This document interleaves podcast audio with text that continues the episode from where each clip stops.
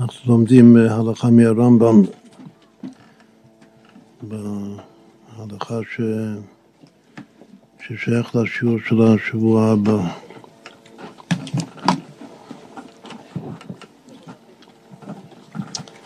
ויש פה קטע שזה שייך לט"ו בשבט.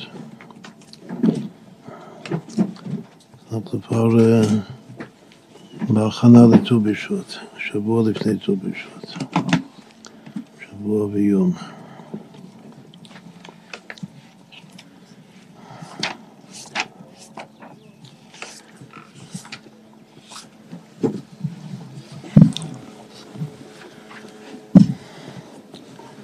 עכשיו בהשגחה פרטית גם בחרנו משהו שזה קשור ליורצייט של היום, של אמא שלי, עליה השלום. שהנושא זה צניעות.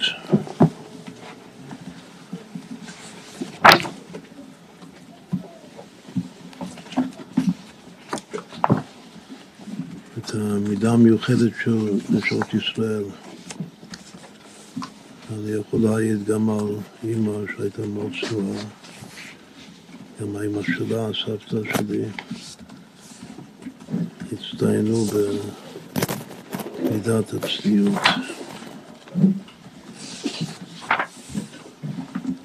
עכשיו, מה שאנחנו uh, נלמד עכשיו, שיש כמה וכמה מדרגות בצניעות.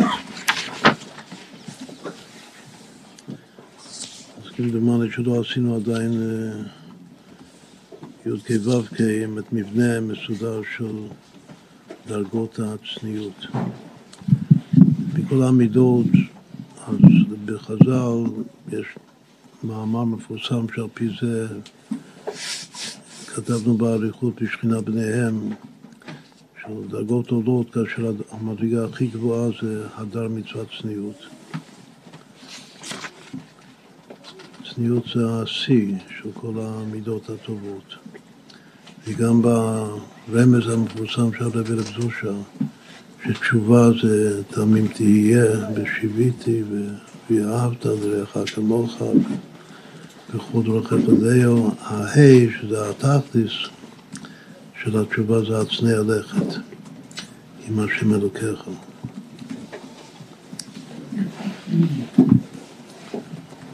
שמבקש מאיתנו שלושה דברים, לעשות משפט סמוך הסתימה, אהבת חסד וגוגלת, ויצנע לכת זה רדלה. זו מנה פשוטה.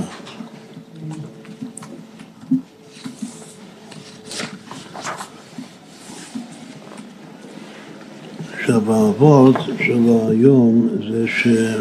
שעיקר השראת השכינה בישראל זה בזכות הצניעות שלנו, מאמר חז"ל מפורש, בסוף פרק חזקת הבתים בבבא בתרא שאנחנו לומדים בישיבות, שנראה את זה תכף.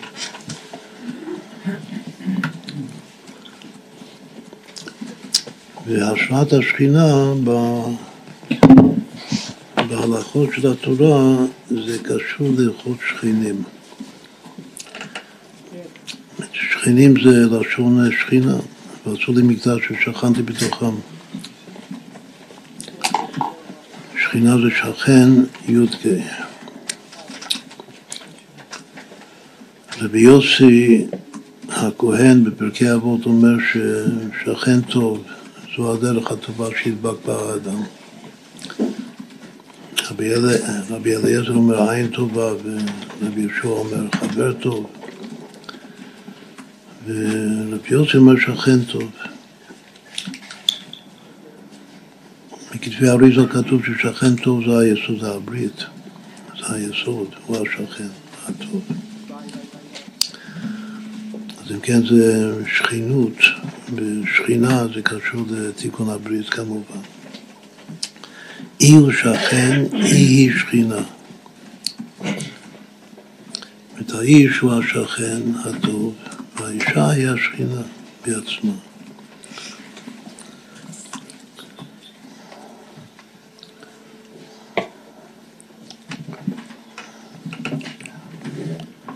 חבר טוב זה, גם כתוב שהאישה הטובה היה חבר הטוב.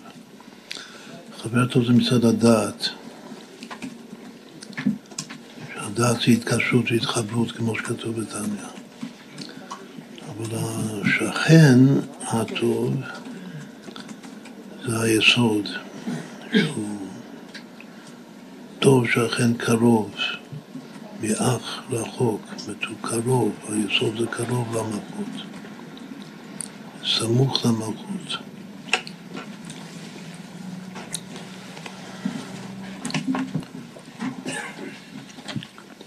אז מה כתוב כאן ברמב"ם? כתוב בהלכות שכנים פרק ה' הלכה ו' אחד מהשותפים, יש שותפים בחצר. יש פה חצר שהוא שייך גם לי וגם לך, שנינו. להיות עוד, אבל מספיק שנאמר שניים.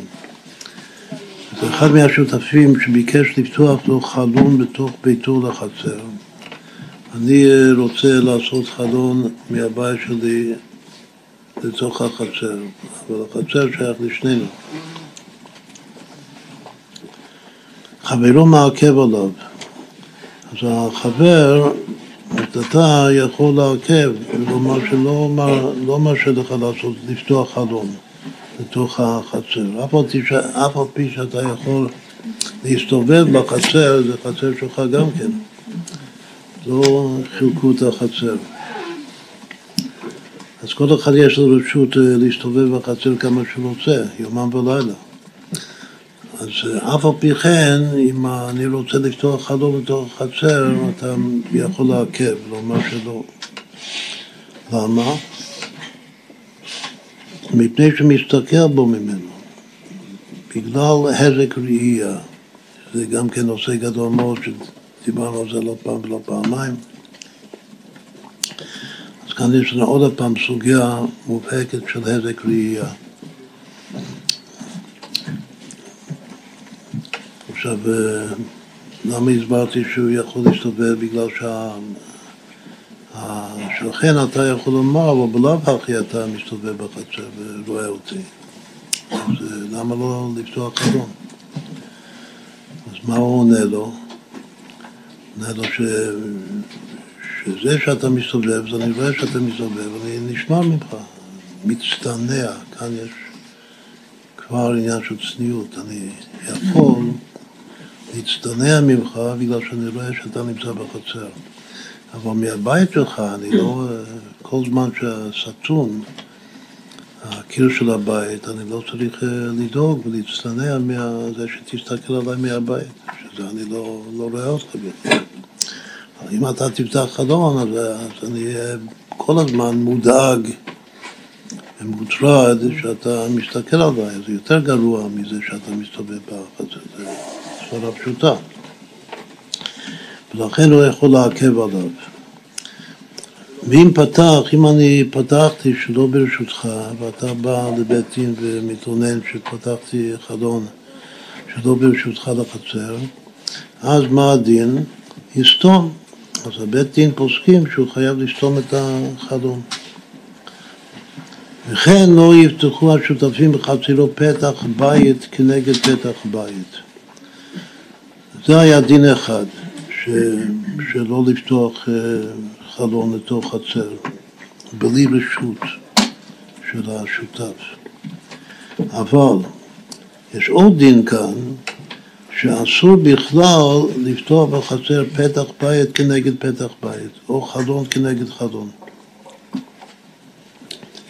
אבל עכשיו זה דין אחר, צריך להבין מה הרבותא של הדין הזה ביחס לדין הראשון. הרי כבר אמרנו שיהיה אסור לפתוח חלון. אז מה הרבותא של חלון נגד חלון? גם סתם חלון זה אסור לפתוח. אבל פותח אדם, עכשיו הוא אומר עוד, עוד דין, דין שלישי, שפותח אדם לרשות אם יש רשות הרבים באמצע בין שני הבתים, אז אני יכול, מותר לי לפתוח פתח כנגד פתח וחלום כנגד חלום. למה? מפני שהוא אומר לו, את השכן בצד השני של רשות הרבים, סליחה, אני פותח כאן, ואתה נמצא בצד השני של רשות הרבים, אז אני יכול לומר לו שאני לא מזיק לך בהזק ראייה יותר מכל בני רשות הרבים שעוברים ושבים כל הזמן. לכן אני יכול לפתוח אפילו פתח כנגד פתח וחלון כנגד חלון, מפני שהוא אומר לו, הרי כאחד מבני רשות הרבים שרואים אותך תדיר כל הזמן. אז אם כן זו הלכה אחת ברמב"ם שיש בו שלושה דינים.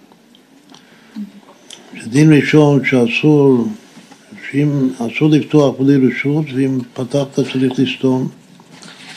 דבר שני שפתח בית כנגד פתח בית וחלום כנגד חלום, סתם זה אסור. דבר שלישי, שאם יש רשות הרבים באמצע זה כבר מותר.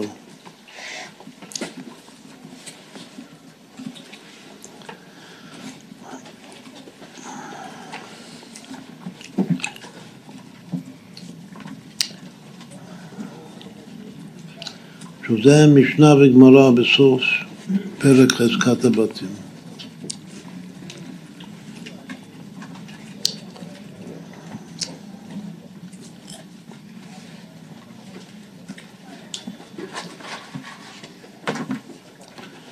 על הדין השני של הרמב"ם, שהוא כותב ברמב"ם, שלא, שלא יפתחו פתח כנגד פתח, אז הרשב"ם כותב בגמרא, אלא ירחיק משהו, זה שלא כנגד זה. שאסור לפתוח פתח מול פתח, אבל אם האדם קצת הזיז את הפתח שלו, אז זה, זה כבר בסדר, אפילו קצת. לא ארבע אמות, ולא כל כך הרבה שאי אפשר בכלל לראות. זה חידוש, מה שהוא אומר, שמספיק להרחיק רק קצת, שזה לא יהיה בדיוק אחד מול השני, ואז זה כבר בסדר. ככה אומר הרשב"א. הרשב"א לא מבין את זה בדיוק, מה, למה זה מספיק. בסוף הוא חולק עליו, שיותר נראה שצריך להרחיק הרבה, שלא, שיהיה אפשר לראות. צריך להבין את הסברה של הרשב"ם, למה, למה הוא כותב שמספיק אפילו טיפה להזיז הצידה. אבל זה כבר לא נחשב פתח מול פתח שאסור.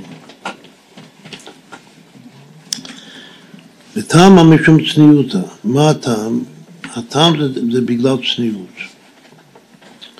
שזה לא צנוע שיש פתח נגד פתח.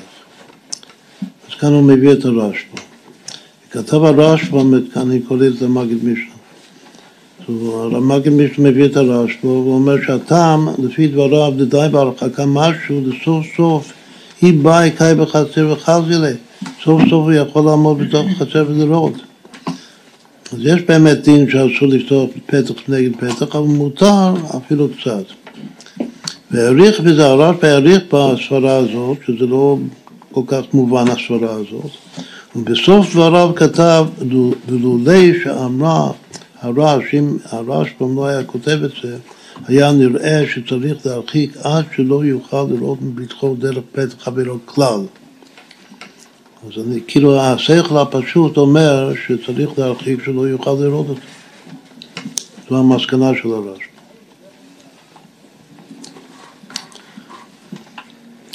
אומר הכסף משנה כאן,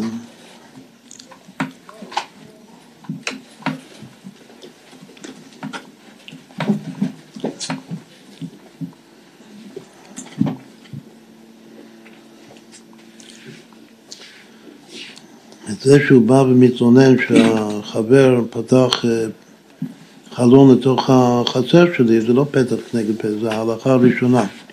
שסתם פתח חלון לתוך החצר.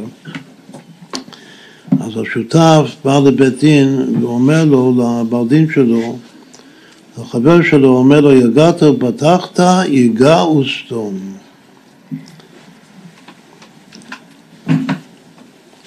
אתה יגעת ופתחת, עכשיו תיגע ותסתום את זה.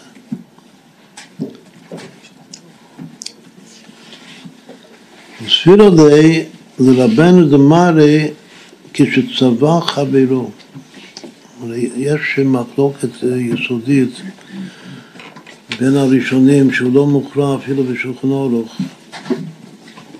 מה, מה הגדר החזק? יש, יש חז, חזקות של שימוש. האם הגדר של החזקה הזאת הוא רק שפעם אחת אה, אדם עשה משהו והחבר לא, לא מיכה, אז זה מספיק בשביל שעכשיו הוא מוחזק בתשמיש הזה. ככה סובר הרמב"ם והרמב"ן והגאונים. או שזה כמו חזקת קרקע, שצריך שלוש שנים עם טענה. ככה סובלים התוספות והראש. ומחלוקת כל כך, כל כך מיוחדת, איזה, איזה חזקת תשמישים. ששוב שזה לא מוחלט, עד כדי כך שיש מצבים שפוסקים להלכה כל דאלים גבוה, בגלל שאי אפשר להכריע על פי ההלכה. בכל אופן הרמב"ם סובר שמספיק שהוא, שמישהו ישתמש, עשה משהו, והחבר לא מיד מיכה בו, אז זה נקרא שהוא מחה לו, ואז הוא מוחזק. אז מה החבר צריך לעשות כשהוא רואה שמישהו עושה משהו שלא לרצוני? הוא צריך לצבוע, הוא צריך לצעוק. ויצעקו. מיד. אם הוא לא צווח, אז הוא הפסיק. אז סימן שלפעמים האדם צריך לצעוק. לדעת הרמב"ם. אם אתה רוצה למנוע את זה. אז זה מה שכותב כאן הכסף משנה, שהוצאו לרבנו לדת, דווקא לדת רבנו, לדת הרמב"ם. זה מה יראה כשצבח חברו המעכב עליו. ברגע שהוא יודע מה שהוא עשה לו, בדרך חלום צריך מיד לצבוח, אחרת הוא מוכר. ואז ההוא מוחזק. אם לא כן מחל,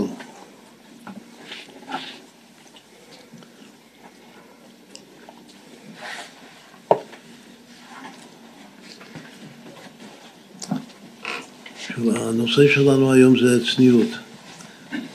השורש של צניעות זה צנע, צדיק נ"ע. אז נעשה מאמר מוזכר של אה, לשון הקודש, שאנחנו אוהבים. קודם כל אה, זה שורש נפוץ בתנ"ך, במקרא או לא? זה שורש אה, מאוד נדיר. כמה, מי, זוכר, כמה פעמים יש בתנ"ך את הצניעות? כמה צניעות יש בכלל בתנ"ך? פעמיים, כן, איך אתה אוהב? פעם פעם בלבנון? יש רק פעמיים צניעות בתנ"ך.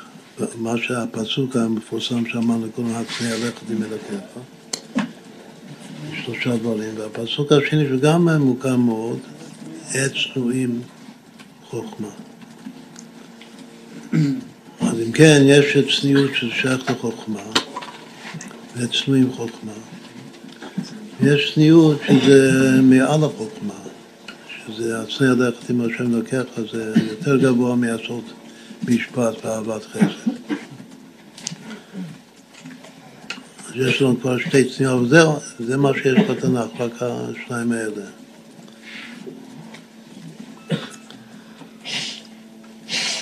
הקופנדנציה הוא מביא את כל הגרסאות של השבעים ושל כל מיני אה, תנ"כים אה, עתיקים שלאו דווקא על פי המסורה שלנו היום.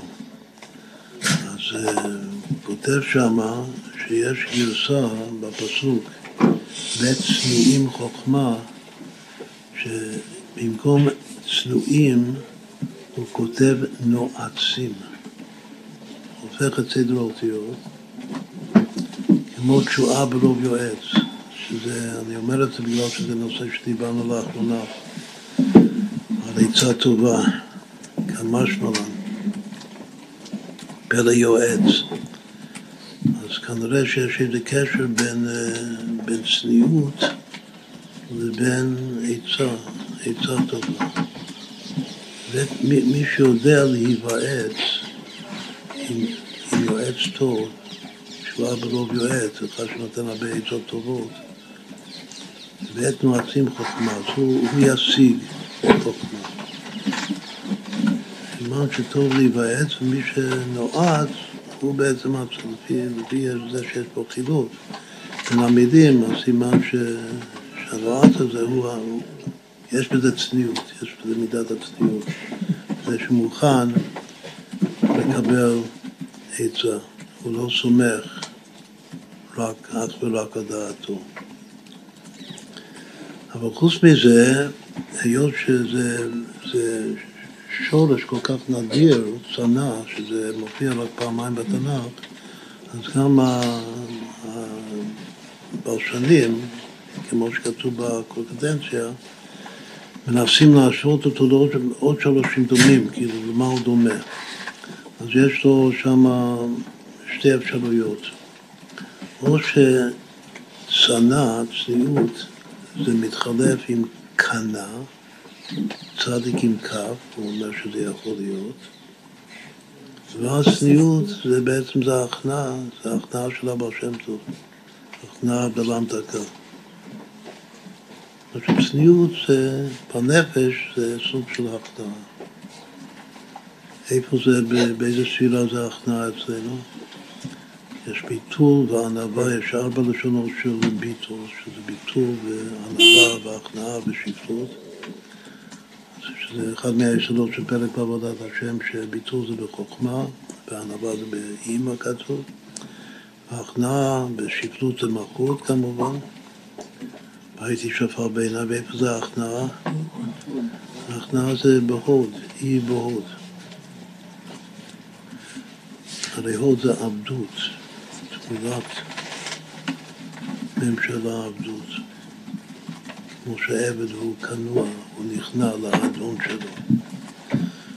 בכלל הוד זה לא הודות, ושם יש את מידת האב, גם הוד זה, זה ברך שמאל, מה זה ההכנעה? ההכנעה זה כמו הקריאה, אנחנו קוראים, משתחווים ומודים. את ההכרעה זה הודיה. זה רגל שמאל, לכן ההכנעה זה בשאלת ההוד, להודות. שלפי החסידות הרבה פעמים להודות זה כמו להאמין, כלומר שההוד מושרש בפנימיות העתיק, ברגלה. בכל אופן, יש הצעה אחת שהוא כותב שמה שצניעות, שצנע, זה לשון הכנעה. שצנע וקנה זה מתחלף.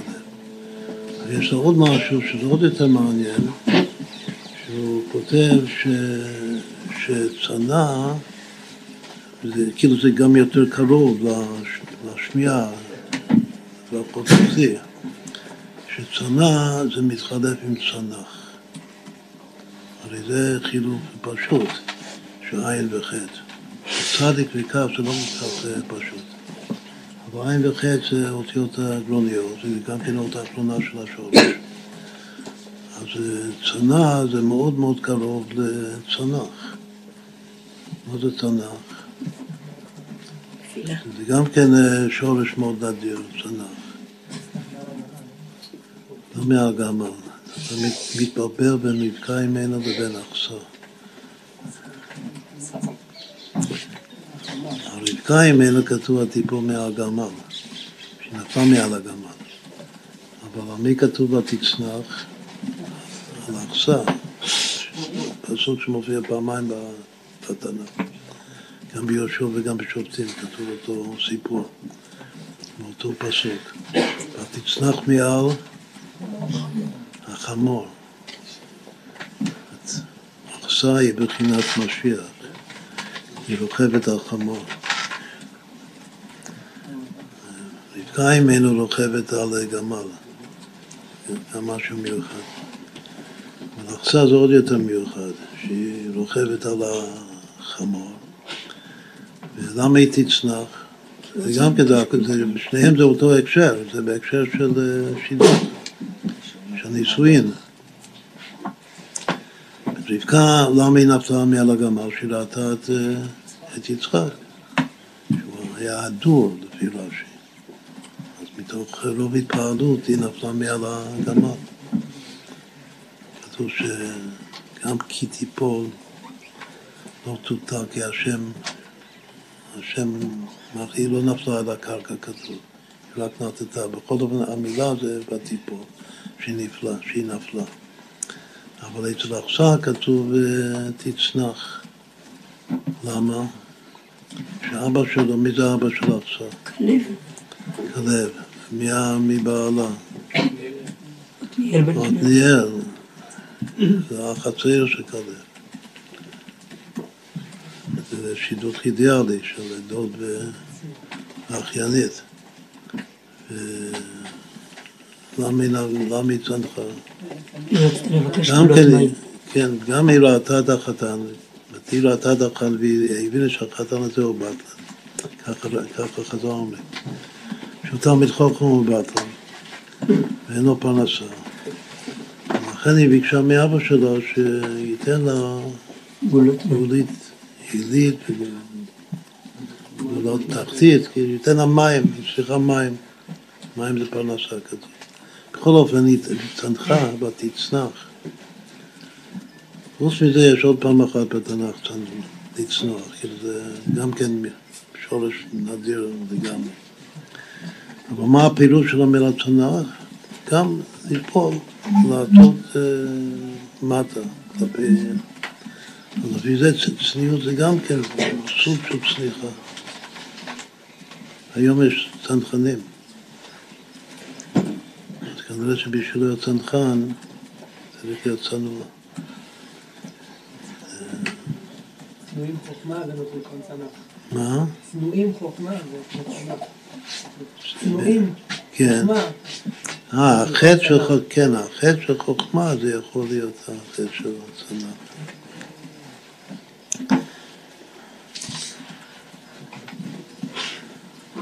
עכשיו, כשמסתכלים שם על הצנח, למה, איך הגענו לכל זה? כשמסתכלים על השולת צנח, אז הוא כותב שצנח זה גם כמו צבח. העינון זה האמנתי. אז מכאן, מעניין לעניין, הגענו מצניעות לצפוח. אצל זה באמת היה צמיחה. מתי לצבוח? כאשר פותחים לך חלון לתוך החצר שלך. אז צריך מיד לצבוח כדי שהוא לא יחזיק בתשמיש הזה. וזה לדעת הרמב"ם והרמב"ן. לדעת התוספות הראש לא צריך לצבוח. יש לך שלוש שנים בשקט. כל זה למדנו מה, מהכסף משנה כאן.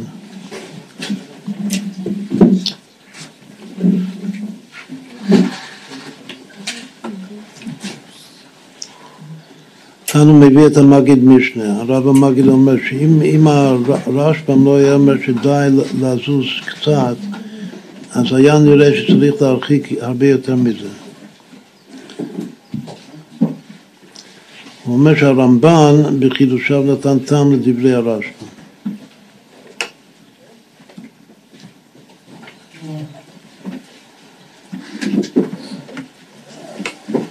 זה עד כאן, עד כאן ההלכה ברמב"ם. את הסורים להוציא לאט לאט. עכשיו אני קורא מה שכתוב כאן, ב... לפני שנמשיך, מה שכתוב בחוברת הזאת. שכל כל יום יש שלושה פרקים של רמב"ם, הוא בוחר הלכה אחת וקצת מעיין. לכן זה בתור פתיחה זה טוב, טוב מאוד.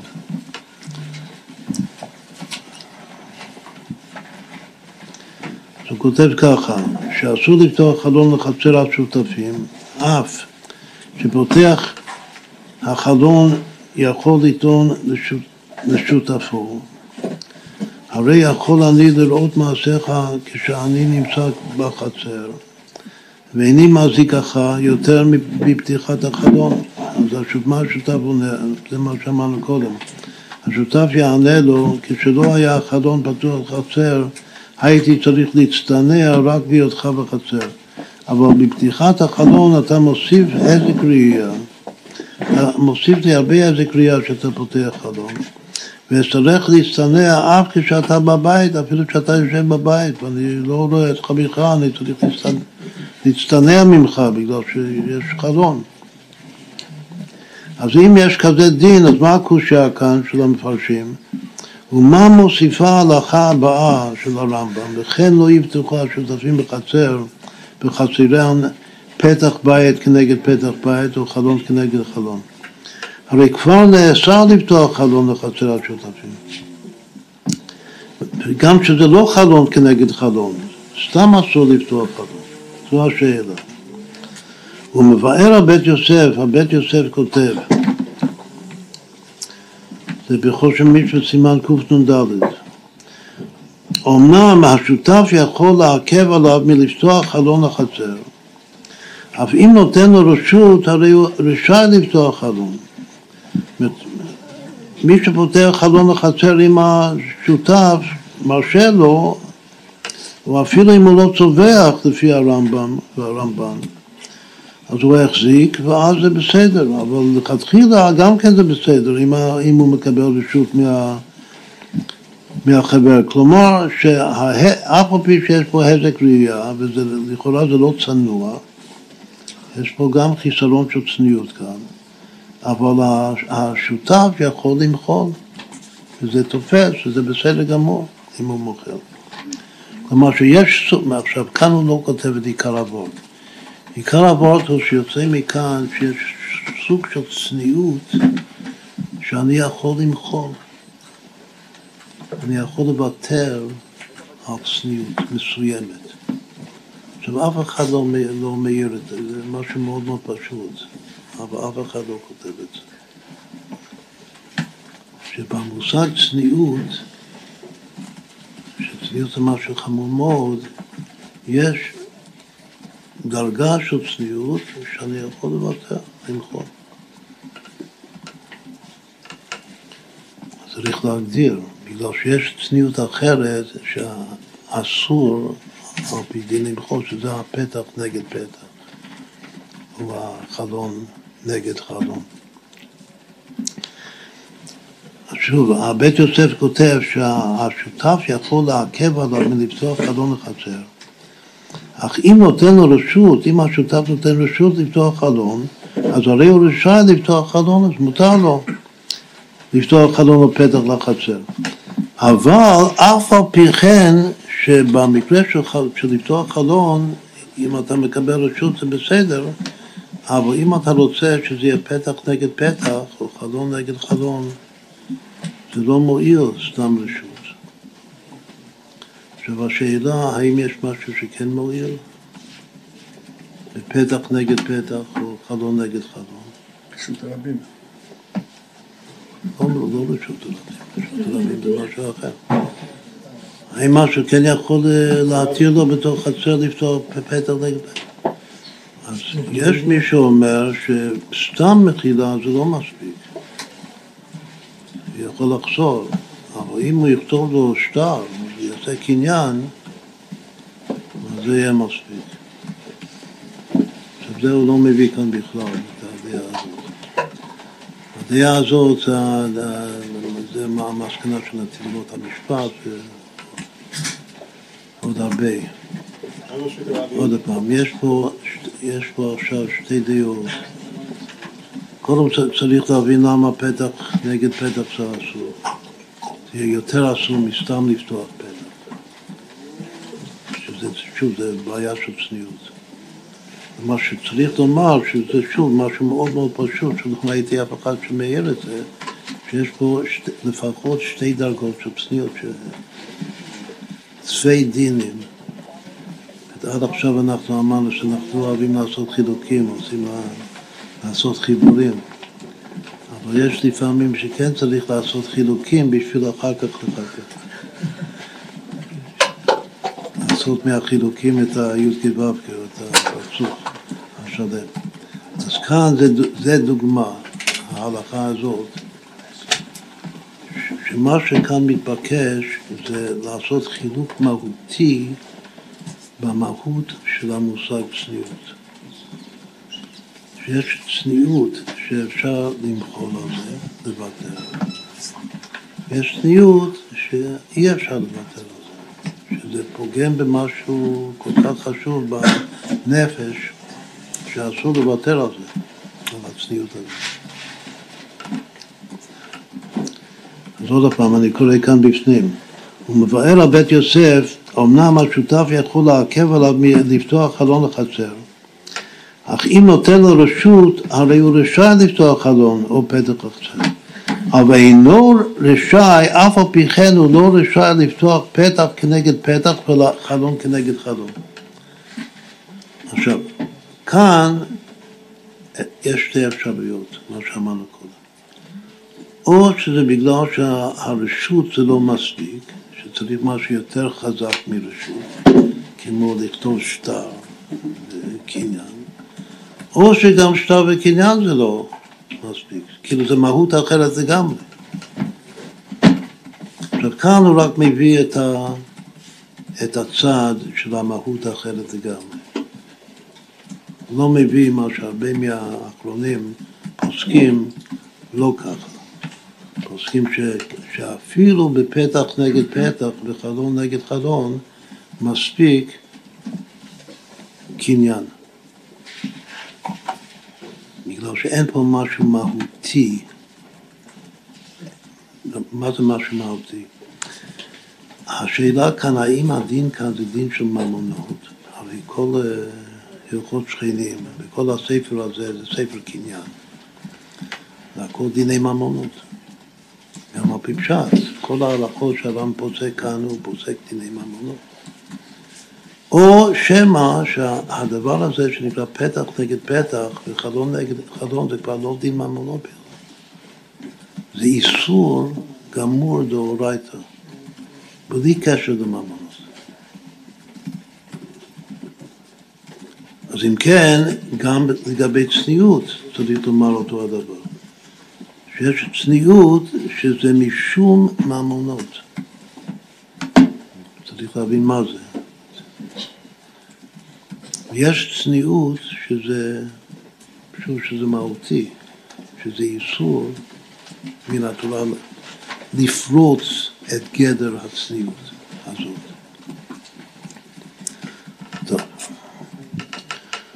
הוא מוסיף היד רמה, עכשיו כאן הוא מביא מהיד רמה רק צד אחד, והיד רמה מביא את שני הצדדים. אז הוא לא כותב אותו נכון, מה שכתוב כאן. אבל הוא מוסיף היד רמה, האיסור לפתוח פתח כנגד פתח, חלום כנגד חלום, נלמד. איך, איך לומדים את זה בגמרא, שאסור לפתוח פתח נגד פתח, או חלום נגד חלום? לומדים את זה מהנאמר בפרשת בלק, אצל בלעם, שכתוב וירא, על בלעם כתוב בסוף, בפעם השלישית, מה טובו הולך יעקב משמותיך ישראל, אז מה כתוב קודם? וירא את ישראל שוכן לשבטיו.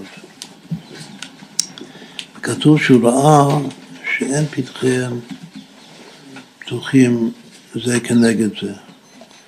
ואז, ודרשו חז"ל, ראה שאין פתחי אור עליהם מכוונים זה לזה, אמר ראויין הללו שתשרה עליהם שכינה.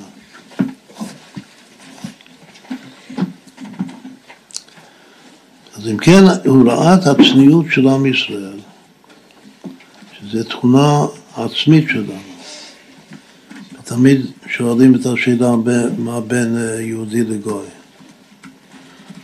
יש כל מיני uh, תשובות, כמו שהרבי אמר פעם שיהודי זה משפיע בעצם, וגוי זה מקבל בעצם. כאן יש לנו עוד תשובה, שיהודי הוא צנוע בעצם, וגוי בכלל אין לו השגה בסוג הזה של צניעות. וגם כן צריך בשביל לעבור את זה צריך להבחין בין מדרגות שונות של צניעות. שוודאי יכול להיות איזה סוג של צניעות, צניעות ששייכת למאמנות, שיכול להיות שזה עוד יותר שייך לגוי מאשר ליהודי. עכשיו כבר לא, מה זה, מה זה צניעות של אה, מאמנות? צניעות של מאמנות, הכוונה ש, שאתה פוחד שהאדם יראה את העסקים שלי, יראה איך שאני מתעסק. זה הפשט כאן גם בחז"ל. למה אני רוצה להצטנע? למה אני לא רוצה שתפתח את החלון לתוך החצר שלי? שאני לא רוצה שתראה את העסקים שלי. אני לא, לא רוצה שתראה מה שאני עושה בחיים. שאם אתה רואה מה שאני עושה, את העסקים שלי, אז אתה מכניס בי עין אורו, ככה כתוב. אתה מזיק לי, זה הזק ראייה.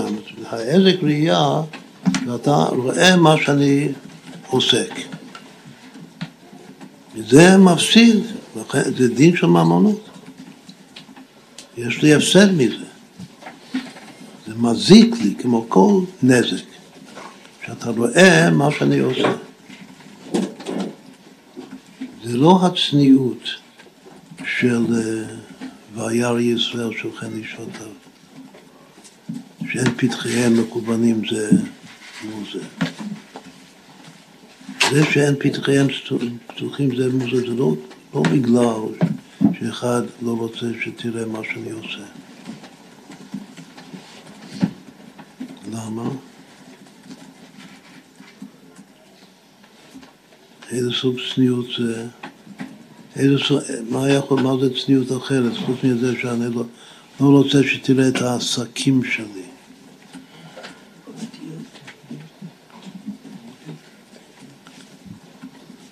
יש אני לא, שמפריע לי ואני לא מסוגל שתראה אותי, במיוחד אותי במצב לא צנוע, כמו בלי לבושים.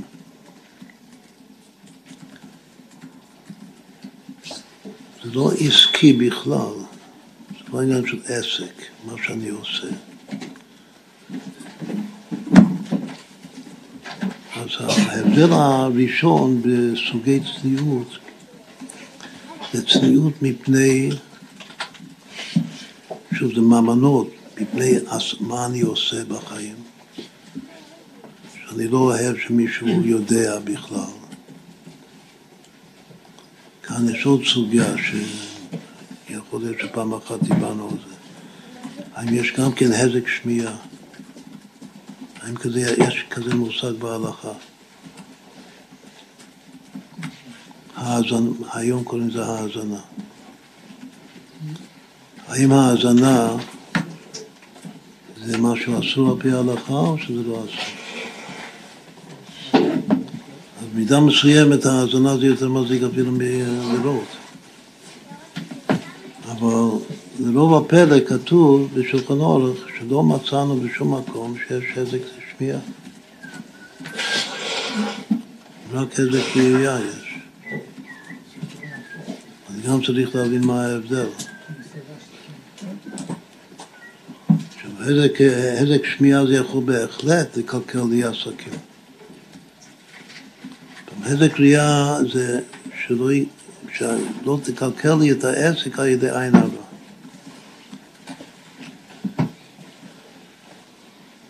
אז גם צריך לומר, לא שלא תקלקל לי את העסק בגלל שתראה מה שאני עושה ואז תלך ותלשין עליי.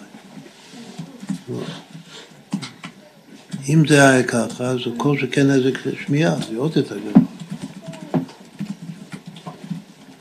מה זה איזה קריאה לפי זה? זה עין הרע. מה זה עין הרע? זה מה שיוצא מהעיניים שלנו. יש איזו הקרנה, איזה כוח, אנרגיה, שיוצא ממנה, אבל באוזניים אין את זה. עכשיו יש פה עוד חלוקה.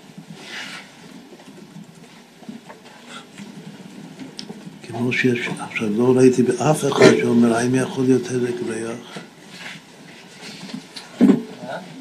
הזק ריח, יש עוד חוש בפנים.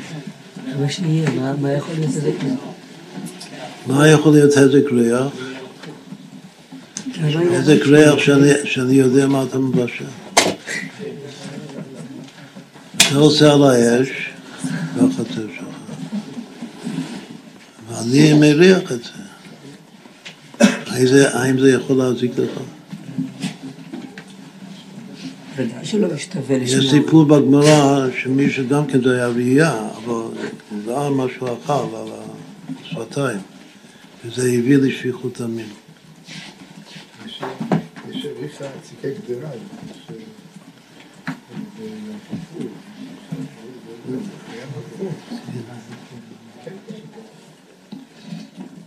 אז אותו סיפור יכול להיות גם במריח, יכול לבוא לידי שפיכות דמים, שאני מריח את ה... על האש שלך. בכל אופן זה לא, זה רק מאמר מוזכר לגמרי, שאם שואלים לגבי הזק שמיעה, אז גם אפשר לשאול להזק ריח. הזק טעם, לא? איפה שואלים לגבי, מה? הזק טעם, אפשר גם לשאול. זה טעם צריך להיות קרוב מאוד בשביל לטעום אותו. שאלה על לקנות מישהו שמוכר ריח, מי שמוכר ריח, מי שמוכר, מוכר בסמים או משהו כזה, ומישהו נהנה מהריח בלי לשלם, זה כן מוכר. זה נקרא דבר שאין בו ממש, שזה הסוגיה הזאת זה בתוך הנפלאות של השבוע.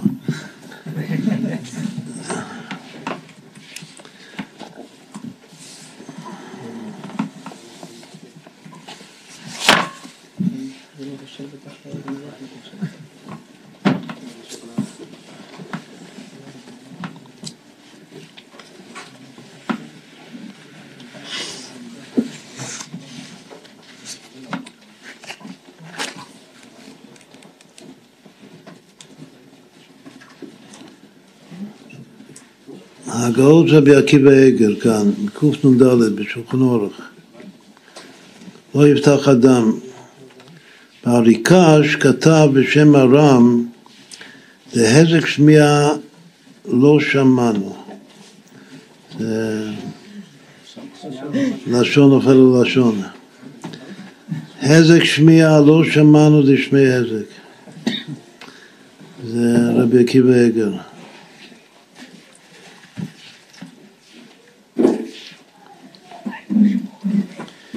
יש פה קצב הקודשים, מי זה קצב הקודשים?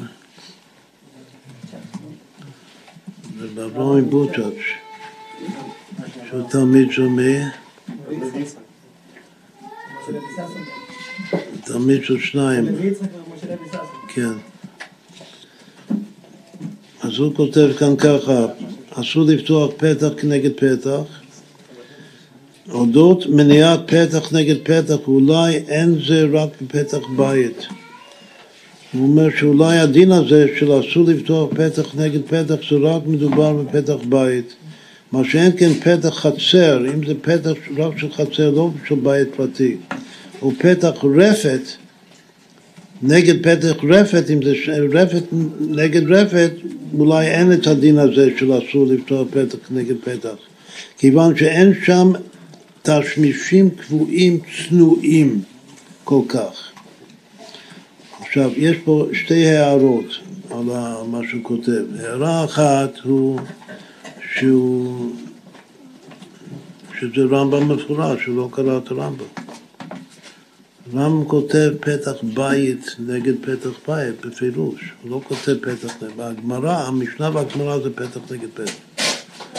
אבל הרמב"ם, זה דיוק ברמב"ם שלא אמרנו את זה קודם, שקראנו את הרמב"ם, הרמב"ם כותב, הוא מוסיף את המילה בית, פתח בית נגד פתח בית, שזה בדיוק הדיוק שלו.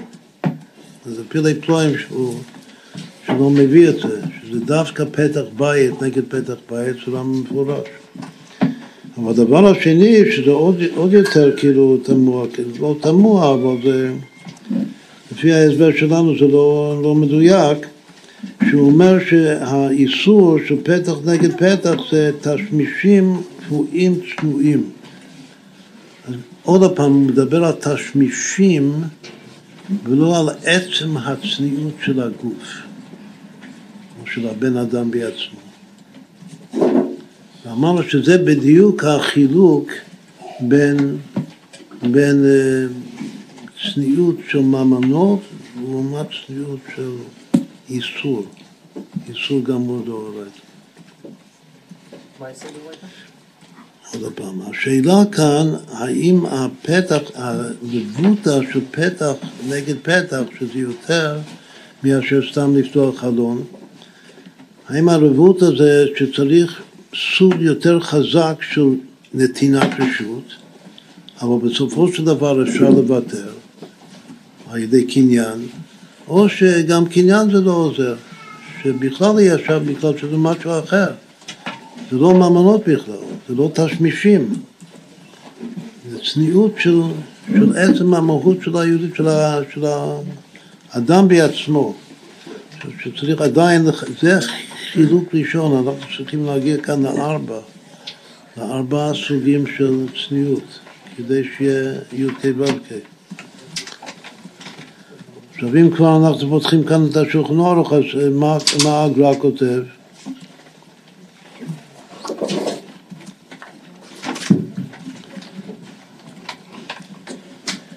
הוא אומר שהרשב"ם, הפתח, על האיסור של פתח נגד פתח, כותב הגר"א, שהרשב"ם מפרט במשנה שהמשנה מיילי בהחזיק, החזיק הכוונה שיש לו חזקה על, ה, על הפתח שלו, כמו בחלון, שהחזקה ברשות זה עוזר.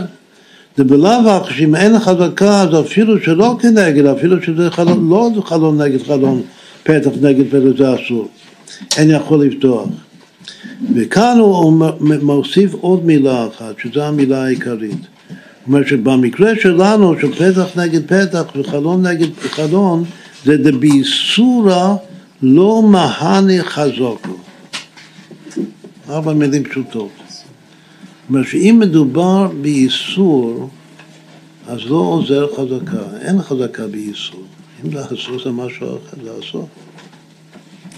אז אם כן, איך, מה סובר הגר"א? הוא סובר שזה אסור. לא סובר כמו הצד, כמו הנתיבות כאן, שזה, ש, שעל ידי קניין אפשר. שיש פה איזה, מה? מה? לא, זה, זה לא נקרא, זה בדיוק החילוק, שאם קוראים לזה איסור או לא קוראים לזה איסור. ה, לקראת הסמה.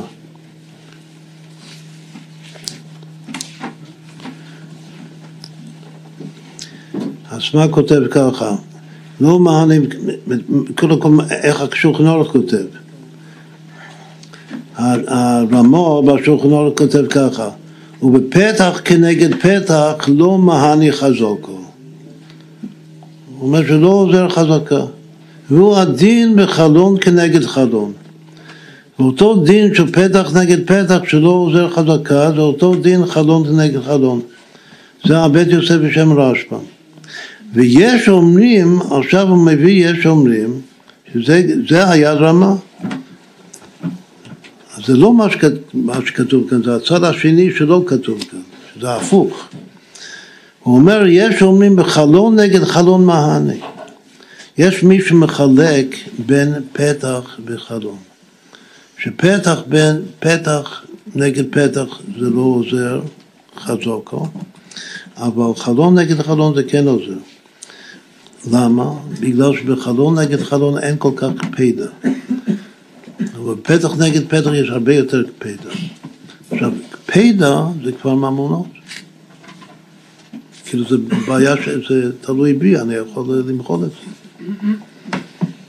אז מי שמחלק בין חלון לבין פתח, הוא סובר שזה לא אסור לגמרי, זה רק מידה של כמה, כמה אנשים מקפידים, כמה קפידה יש. אבל מי שאומר שזה איסור גמור, אז הוא לא מחלק בין פתח לבין חלון. והיות שהרמב"ם לא מחלק, וגם המשנה לא מחלקת, זה רק סברה שהיה רמה שאפשר לחלק בין פתח לחלון. אז לכן זה, על פי פשט, זה אומר שהרמב"ם סובר שזה איסור גמור דאורייתא. שוב, שאף על פי שכותב את זה בהלכות שכנים, שזה ממנות, אבל זה לא ממנות בכלל, זה משהו אחר. אבל אולי הפתח הוא אומר, בגלל שזה יש פסוק, והחלון אין פסוק. בסדר, אבל שוב, הרם יודע את זה, זה, זה בדיוק הסוגיה, אבל הרם לא מחלק ביניהם. כן, כן יכול, כן יכול להיות, אין לו כן, כן, כן. ויש אומרים בחלון החלון מהני. ואם באו, טוב, אחר יש עוד דין שלא נקרא את זה עכשיו. הרב רצה להפריח מהסמה ש... כן, אז נראה מה שהסמה כותב. לא מענה חזוק, העצור מסיק בטעמה, משום דבאיסור אסור. הוא אומר שהעצור אומר שלמה לא עוזר חזקה בפתח, בגלל שהוא עשה את זה באיסור, זה, זה אסור, זה לא עניין של, של רשות. ורוצה לומר, דלמדו רז"ל מדכתיב בפרשת בלק וירא ישראל שוכן לשבטיו. ודרשו רז"ל שלא היו פתחיהם מכוונים זה כנגד זה. מהי תימה נרד אפילו כשיש עדים, היות שיש פה איסור, יש שוב בהלכה, קוראים לזה איסור דאורייתא. איסור, דאורייתא. ומהי תימה נרד אפילו כשיש עדים שמחה לו. בפתח נגד פתח יש עדים שאומרים שהוא מחה לו. או שנתן לו שטר, אפילו שנתן לו שטר וקניין הזה, לא מהני, זה לא עוזר. כיוון שיש איסור בדבר, היות שזה אסור, אז זה לא עוזר לעשות השטר בשום דבר. אבל להיש אומרים, לספירה להם, שזה היד רמה בצד השני, שספירה להם זה בחלון נגד חלון מהני, וספירה להם זה באיסור בקפדה טליה, זה האיסור בקפדה טליה, שזה לא איסור גמור דאורייתא, זה רק אסור בגלל שאדם מאוד מקפיד על זה, ומשום הכי בחלון נגד חלון, היות שזה רק, בסופו של דבר זה תלוי בקפדה, וזה לא תלוי באיסור, לכן בחלון נגד חלון זה לא רגילי להקפיד כל כך כמו פתח נגד פתח, מהני בו חזקו. אז בחלון כן עוזר חזקה. ספירה לו הוא נמי דמהני אפילו בפתח, אז הם שסוברים שבחלון נגד חלון מהני חזקו, אז הם יאמרו שאפילו בפתח נגד פתח מחילה גמורה או שטר וקניין גם עוזר. זה לא עדיף אם יקוצו בית הכיסא, זה לא יותר חמור מ... יש דין של אה, בית כיסא, שכאילו שיש הרבה קפידו על זה, ואף על פי שיש הרבה קפידו על זה, לעשות קניין גמור זה עוזר. אז ככה, אז שוב, אז, אז אם כן זה סוג אחר לגמרי של צניעות. משהו אחר, זה מדובר כאן בשני צדדים שונים לחלוטין.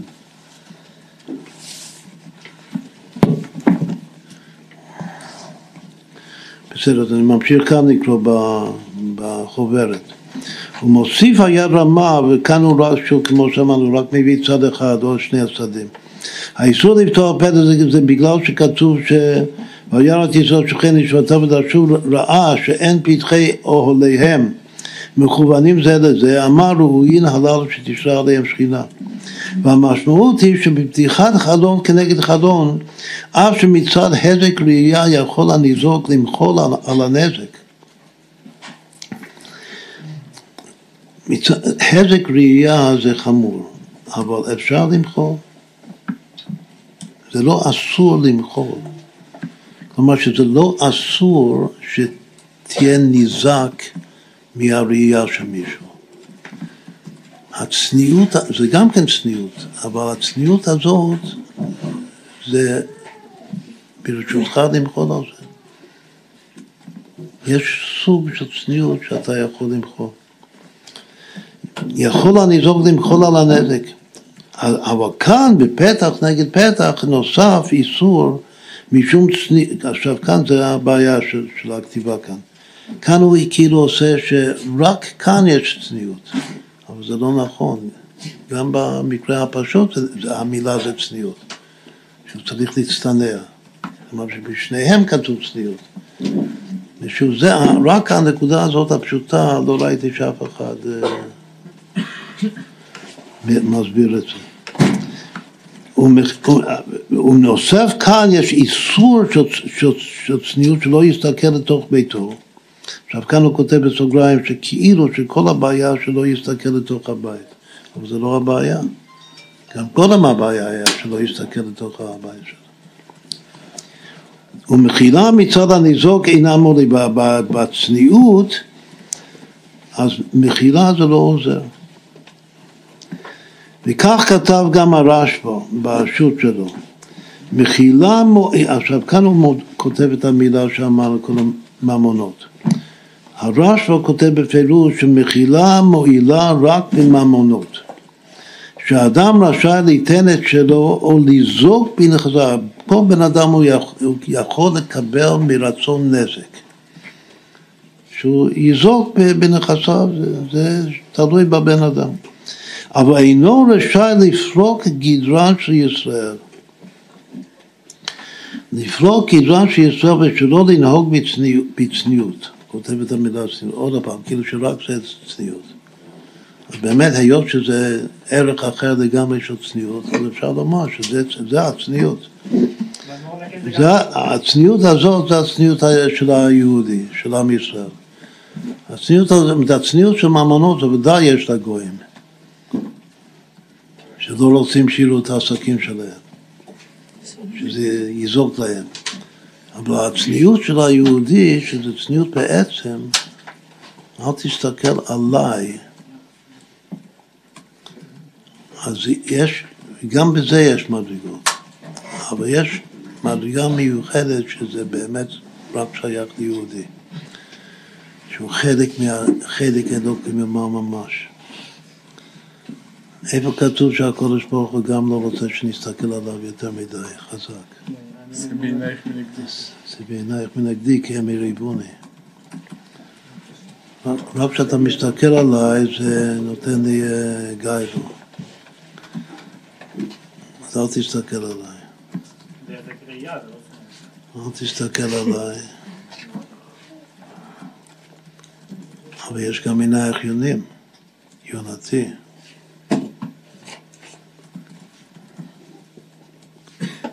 תכף נגיע לזה.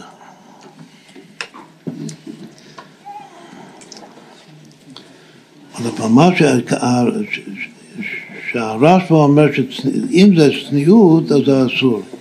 שהרי בכך גורם להסתלקות, אם האדם יוותר על הצניעות היהודית, האמיתית, אז הוא יגרום להסתלקות שכינה מישראל. כי רק כאשר אין פתחיהם מכוונים זה לזה, ראויים הם שתשרה שכינה ביניהם.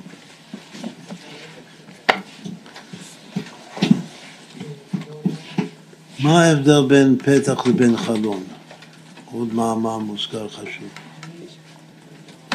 הרי כל הדבר הזה של בלעם כתוב פתחיהם, לא כתוב חלונותיהם. איך חז"ל בכלל הגיעו במשנה לחלון? כמו שאמרנו, שעיקר מה שכתוב בתורה זה רק פתחים. מה זה פתח ומה זה חלון? כל משל פשוט, מה ההבדל בין, מה זה פתח בבן אדם, מה זה, מה זה הפתח, מה זה החלון? כן? הפתח זה הפה. פתח פיך. והחלון, כתוב שהחלון זה העיניים, החלונות. אז אם יש איסור של בני החצר לפתוח פתח נגד פתח, אז זה פה נגד פה. מה זה, אסור חלון נגד חלון, אז עיניים נגד עיניים. אם זה נגד, אז זה כמו מלחמה. יש מלחמת פיות ויש מלחמת עיניים. מלחמת פיות זה כמו בתקשורת. מלחמת עיניים זה בהפגנה.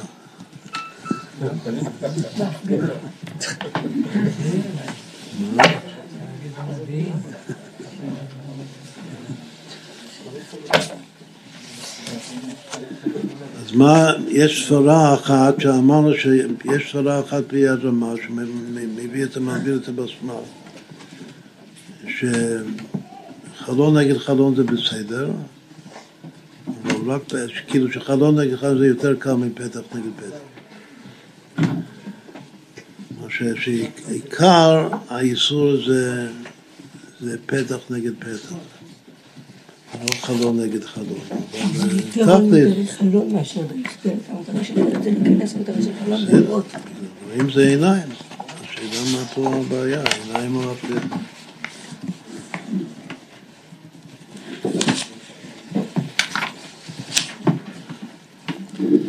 כאן הוא מביא מהמגיד, הרב המגיד, פשוט נעבור מהלכה להגדה. הוא מביא מהרב המגיד, כתוב גם כן במגיד דבריו ליעקב וגם באור צבא כתוב, אותו קטע.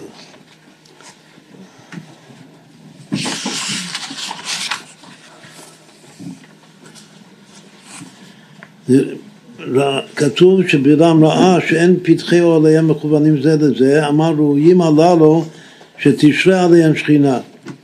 נראה לפרש ברמז, אומר הרב המגיד, לשמור עדן, אם יושבים במסיבה כמה תלמידי חכמים, אנחנו יושבים כאן ביחד, עושים מצווה הזאת, וכל אחד, יש הרבה פעמים שמכבדים כל אחד ואחד לומר משהו. אז הרבה צדיקים יושבים ביחד, אז כל אחד מכובד לומר איזה דבר תורה, איזה דרוש או פסוק או ממרה והש"ס. אם חס ושלום מכבדים לקינטור, לאמור הפירוש שאני מפרש יותר טוב מפירושי האחרים, שמה שאני אומר זה יותר נכון ממה שאתה אומר, אם ככה מדברים, בוודאי אוי להם ולנפשם. מוטב שתהפך שלייתם על פניהם.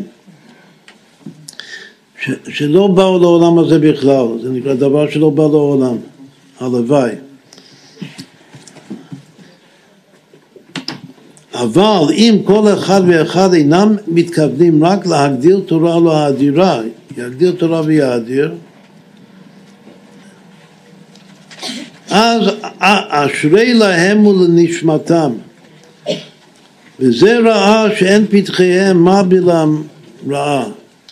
הוא ראה שיהודים יושבים ביחד ומתוועדים, וכל אחד אומר משהו, וזה ראה שאין פתחיהם, רצה לומר פיהם, סתם פתח זה הפה, שהפה נקרא פתח, כמו שמור פתחי פיך, יש פסוק במיכה, שמור פתחי פיך, יש עוד הרבה דברים,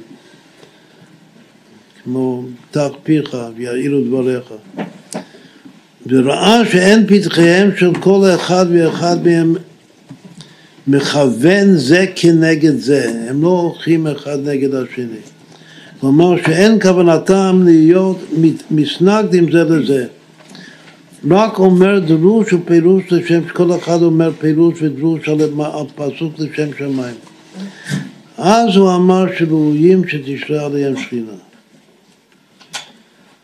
אז זה וורד של המגיד, שמכאן רק לומדים שהפתח זה הפה, וזה עיקר האיסור, עיקר הצניעות זה, זה מתבטא בפה. צריך להיות, דיברנו הרבה פעמים על איפה הצניעות, הרי כתוב הצניע לכת, אז משמע שהצניעות ברגליים. ויש אומרים שהצניעות זה בלבוש, כמו היום שמדברים על צניעות של בנות בבית ספר, או אישה, אז חושבים שצניעות זה לבוש. הוא אמר שצניעות לפי הצניע לכת זה שייך להליכה, איך אתה הולך. יש מאמרים של הרבי שתראה איך שחסיד הולך. מי הרבי אמר את זה? לא, אצלנו, מישהו שמכירים אותו. ש- שאמר למזכיר, הרבי אמר למזכיר על מישהו, בחור, מה? זה ויחוסת גייט. לא, גד, גד ויינקרט, שיהיה בריא. שהיה בחור, הוא הלך לפני סמטרני ברחוב. אז הרבי אמר למזכיר, תסתכל איך, חסיד, איך בחור חסידי הולך ברחוב. אז זה נקרא הצנע לכת. ככה הסברנו פעם.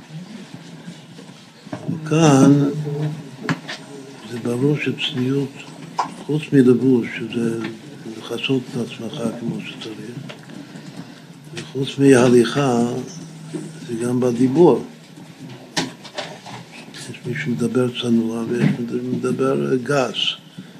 עכשיו, צניעות זה הערך של גסות, זה עדינות. זה בפה. עכשיו, צניעות זה בוודאי גם בעיניים. שמירה, יש שמירת הפה ויש שמירת העיניים. אחד שמסתכל בכל מקום, לא, לא רואים עליו כמה שלא צנוע.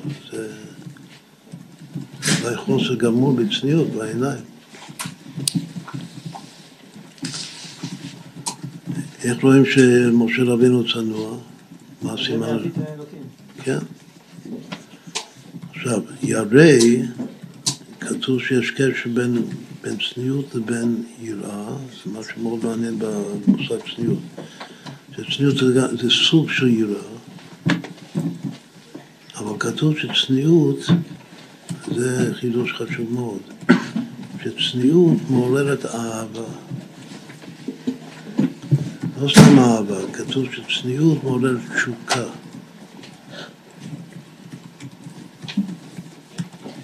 הרי אצל אישה כתוב אל אישך תשוקתך. יש וורד שהתשוקה בקדושה זה בא מהצניעות של האישה. אם כן, מצד אחד זה אישה יראת השם היא תתעבור. מצד שני זה, זה מעורר אהבה, ואהבה גדולה של תשוקה. למה? בגלל שצניעות זה, צניעות זה רדלה, ושם יש נשיאת הפכים. עיקר הפכים ב- בנט, בעבודה זה תחיה דור רחימו, אהבה ויראה. בכל אופן, הפתח והחלון כאן, במשל, זה הפה והעיניים. רואים שהפה זה יותר חמור מהעיניים. העיניים זה גם קשה מאוד. אשר עשה משה לעיני כל ישראל, משה רבנו בא בשביל לתקן את העיניים, לכן רב אליעזר, שהוא הבן של משה רבנו, שמאחד אליעזר, הוא אומר שעיקר הדרך הטובה זה עין, זה עין טובה.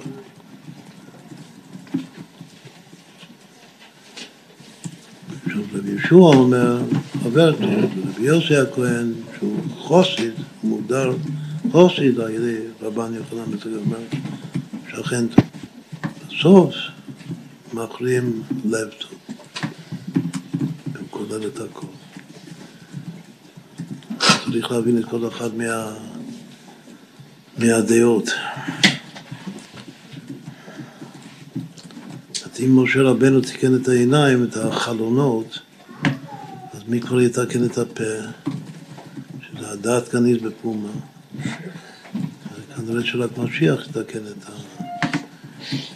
התקשורת, את הפה, שזו הקליפה הכי קשה בין ה... לפצח את האגו, זה הגימל קליפות העצמיות לגמרי. משה רבנו גם יעל לדבר, לא? עד פה, הוא בקושי ידע לדבר, השם עשה נס, מי שם פה לאדם.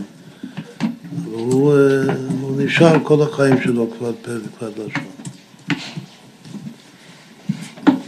באמת זה גם סימן מובהק, שמישהו לא כבד פה, בעצם, שיש לו גם את המעלה של אהרון, של נביאיך, כתוב שזה המעלה של משיח, שהוא גם משה וגם אהרון ביחד. הוא מתגבר על הכבד פה שלו. זה בדיוק מה שהוא אומר, שאין לי את הפה, ולכן לא יכול להיות הגואל. הוא כותב בפירוש שהגאולה זה תלוי בפתח. פתח פיך ויעירו דבריך. מי שאין לו את זה, אז הוא לא יכול להיות גואל ישראל. לכן גם הרבי אמר שהמכה הכי קשה לרבי בעצמו זה שלוקחים ממנו את הדיבור. הרי דבר אחד לדור ולא שני דברים לדור. לא סתם מנהיג הוא נקרא דבר. כשהוא מדבר, צריך לתקן את הפה. עכשיו, יש פה בטור כתוב, אני אומר כמה דברים בעל פה, מה הגדר, ההבדל במהות בין פתח לבין חלום. איך אני יודע מה, יש איזה משהו פתוח כאן מהבית החוצה. איך אני יודע איך לקרוא לזה, אם זה פתח או שזה חלום.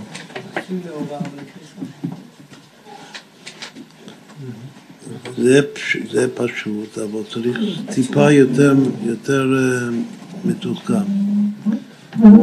גם חלון, כדי, חלון, כדי שחלון לא ייקרא פתח, הוא צריך, הוא צריך להיות שהוא כל כך קטן שבן אדם לא יכול להיכנס ולצאת ממנו. ברגע שחלון הוא מספיק גדול, שאפשר להיכנס ולצאת מהחלון, חופשי זה כבר לא חלון, זה כבר פתח. אז, זה, אז אם כן, הגדר של פתח זה שאפשר כולי לצאת וכולי להיכנס. עכשיו זה משהו יפה מאוד לגבי ההבדל בין העיניים והפה. בפה אני יכול לבטא את עצמי לגמרי. אני יכול לצאת ולהיכנס חופשי. הכל. בעיניים לא. והחלונות זה חלקי, זה לא, זה לא לגמרי. זה לא, זה לא ביטוי של, של כל כולי. שבעיניים זה רק רמז. כן, זה די לחכים ברמיזה. הם רומזים בעיניים. פה זה פשט, העיניים זה רמז.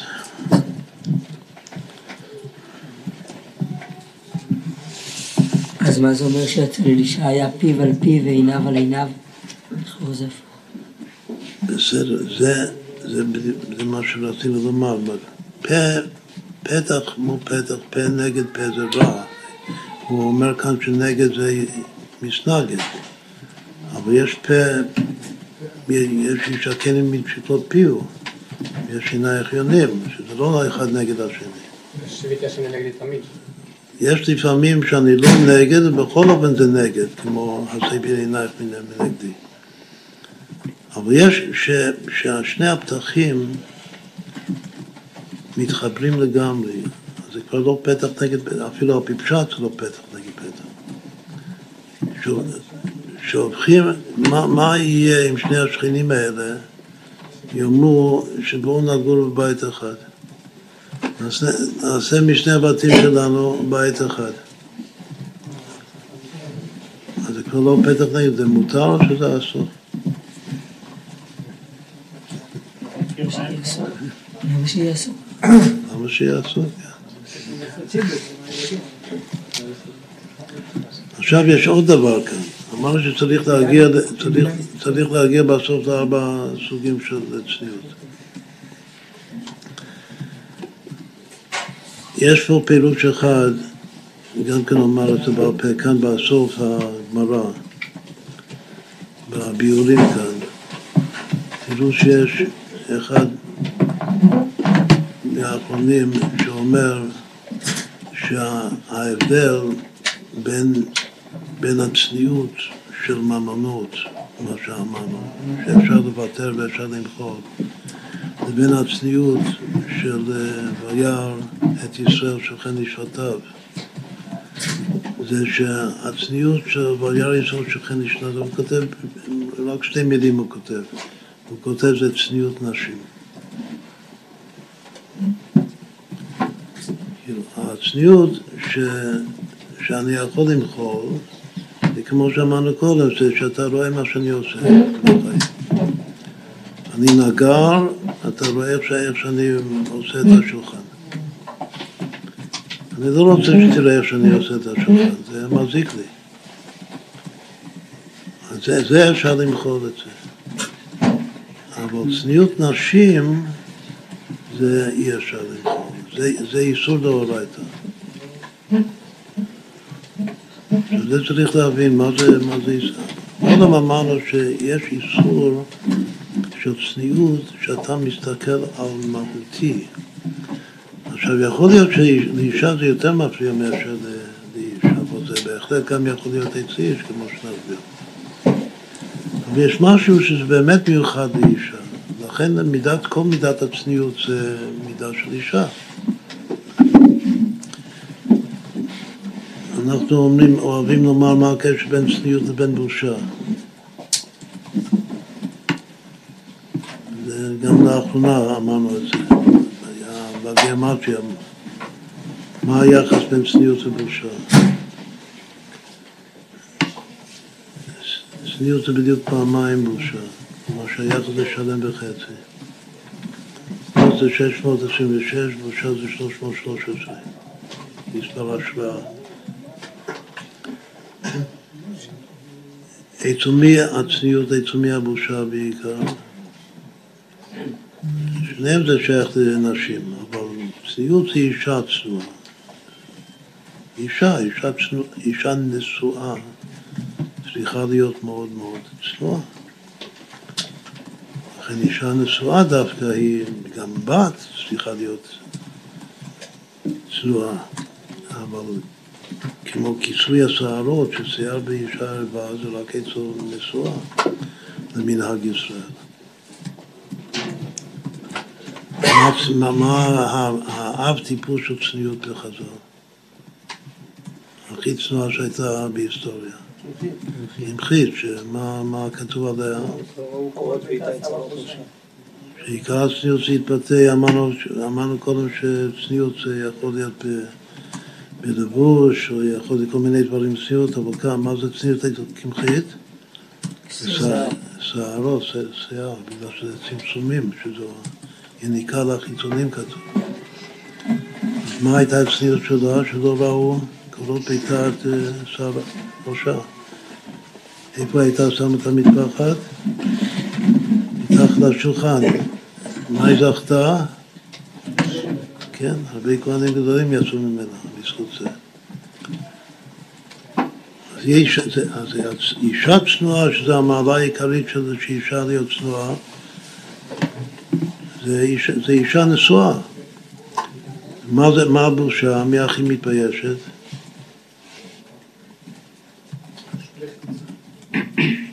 הבושה זה כלה נאה וחסודה. חסודה זה מבוישת. חסודה. כלה נאה וחסודה. הבושה זה כלה, והצניעות זה כבר אישה בכלל. אז מה יצא לך? אתה לא רוצה תוך כדי? אתה רוצה תוך כדי. צניעות אישה, בושה כלה.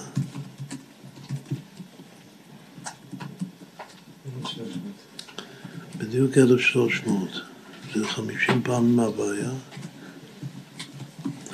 הערך הממוצע זה 650, הפירמידה של 12, 25 פעמים מהבעיה. הערך הממוצע של כל מילה זה נערה, חמש פעמים אדנות. אבל החצי זה המילה שישים. זה המספר העיקרי של ברוך הגבר, מי שזוכר.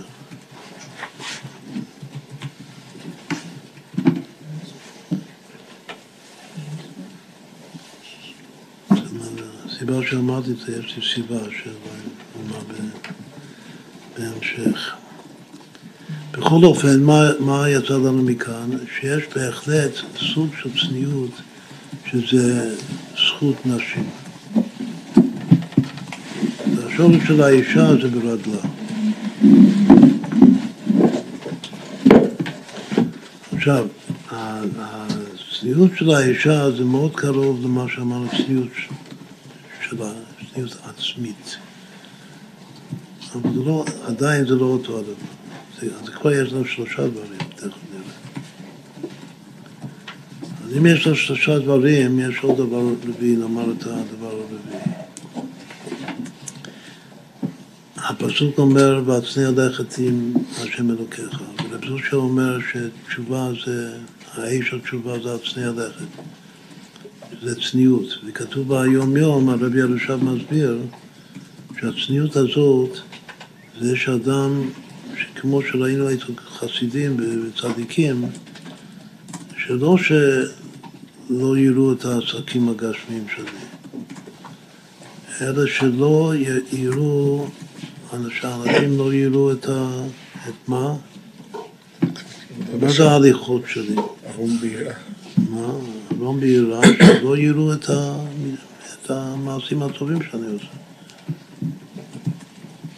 כתוב שחסידים ראשונים מאוד מאוד הקפידו, ואם היו רואים את, ה, את המצוות והמעשים הטובים שעשו, אז הצטערו מאוד מאוד, היו מצטערים. כאילו שזה נגע להם לנפש.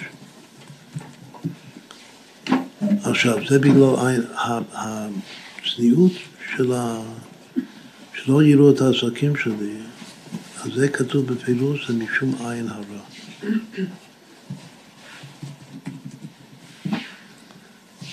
הצניעות של החסידות, כלומר הצניעות של הצניע לכת לפי הפילוש הזה, שחסידים לא רצו, וכל שכן צדיקים, תלמידי הבעל שם טוב, צדיקים נסתרים של, ה, של הבעל שם טוב. מה זה צדיק נסתר? שהוא מצטיין מאוד מאוד מאוד במידת הצניעות. זה נקרא שהוא נסתר. שלא יראו, לא את רב זושיה, מה הצניעות שלו? שהוא פעל שישכחו שפעם היה רב. שאף אחד לא ידע שהוא יודע ללמוד. שזה רק יישאר אצל אלתר רבי, שהוא כינה אותו גאון, שר התורה. מה ההבדל בין זה לבין הצניעות הפשוטה שאדם מצטנע שלא יראו את העסקים שלו?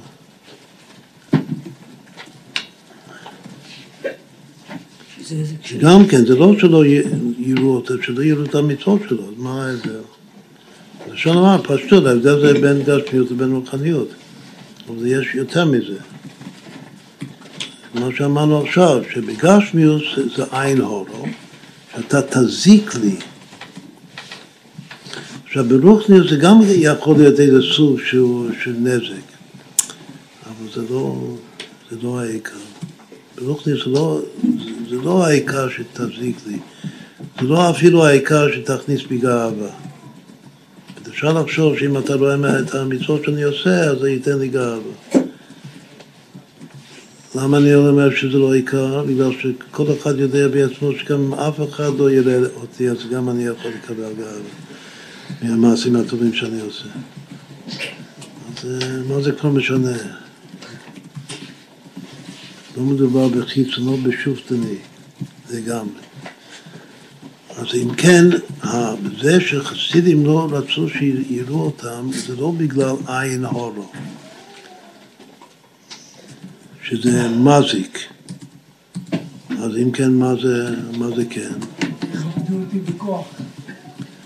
יש הסיפור, יש הסיפור המפורסם של הגלגול של הבעל שם טוב. מי הוא? מה? שבלתי לשם לדבר. אותו יהודי אה, פשוט נסתר בצפת, שלא היה מוכן לגלות לאליהו הנביא מה הוא עשה ביום הבר מצווה שלו. איזה מצווה גדולה הוא קיים ביום למה? הרי מאליהו הנביא מבקש, תספר לי. למה הוא לא היה מוכן לספר לו? בגלל שהוא אמר שמה שעשיתי, עשיתי לשם השם יתברך בלבד. וגם אליהו הנביא זה לא השם.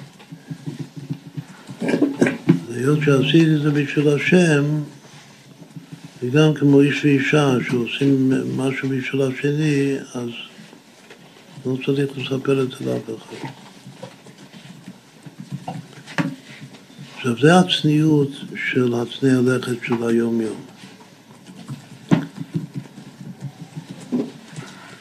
הצניעות של הבזושה. שזה נקרא שכל מה שעושה עושה לשם שמיים, באמת. ממילא, אם זה, זה סיבה, זה כמו שלבני נחמן שאם אתה עושה להרבות ברכות שמיים, אתה עושה למעט ברכות עצמך, ברכות עצמך בשני הבריות. שאתה עושה את זה רק בשביל השם. עכשיו, זה, זה מדרגה גבוהה מאוד, אבל זה לא צניעות עצמית. זה לא צניעות נשים.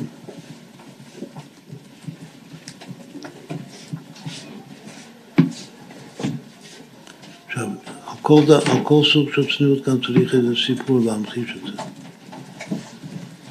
אז עכשיו אמרנו את הסיפור של הגלגול של הבעל שם טוב, להמחיש את הצניעות של, ה, של החסיד, הצדיק הנסתר של הבעל שם טוב. מה והמדרגה הכי גבוהה כאן זה הצניעות העצמית, שעוד לא, שעוד לא אמרנו זה סיפור. מה הסיפור? זה סיפור, זה סיפור של הרבי הרש"ב, שאנחנו אוהבים לספר. סיפור של הרבי הרש"ב, פעם אחת היה בדאצ'ה. והיה שם, את כל הצדיקים היו נוסעים לדאצ'ה. היה שם עם, עם הינוקה של. רבי ישראל.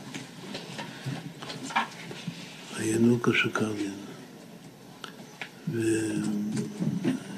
והכירו אחד את השני, והעריך אחד השני באיזה שלב, אז הוא אמר למשמע שלו, רבי הקודם שהיה שם, לא זוכר מי היה איתו, אז רבי לשב אמר בואו נברח מכאן. בואו נברח מכאן, למה נברח מכאן? הוא אומר ש... שהוא מסתכל עליי, שהצדיק הזה, הינוקה, רואה אותי. עכשיו, זה לא הצדיק הראשון שהוא, שהוא היה איתו ביחד, אף פעם לא היה כזה דבר. כלומר שהצדיק הזה רואה אותי. ועל זה אני לא, אני לא מסוגל לסבול, אני לא סובל את זה. לא, חס ושלום לומר שמה שרואה אותי זה, זה עין הרע, הוא לא מכניס לשם עין הרע, הוא אוהב אותי. אבל העיניים שלו כל כך חודרות, שהוא כאילו רואה אותי, רואה את המהות שלי, מה שאמור להיות מכוסה, מוסתר, מופלא. המון מופלא, המון מכוסה, שכתוב בתחילת המדרש רבו. איזה עוד סיפור אפשר לצרף לזה? כאילו לקבל חוש, מה זה, מה זה הצניעות הכי עצמית.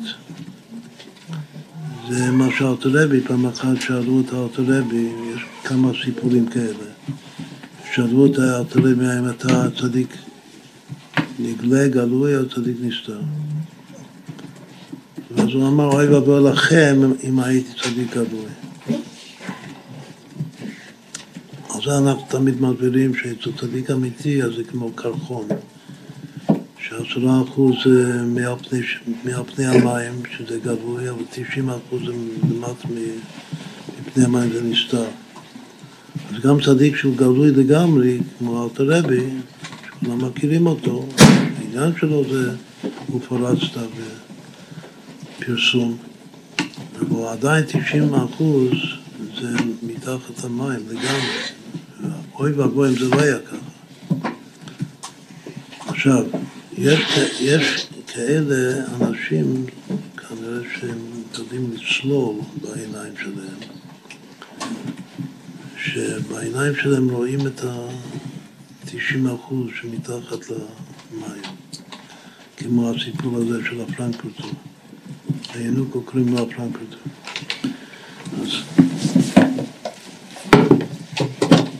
אז, הוא, הוא, הרבי הרשב מרגיש, שהוא מסתכל לתוך ה... לתוך הפופיק שלי מקודם, לתוך, לתוך המהות שלי. אני, אני, אני לא יכול.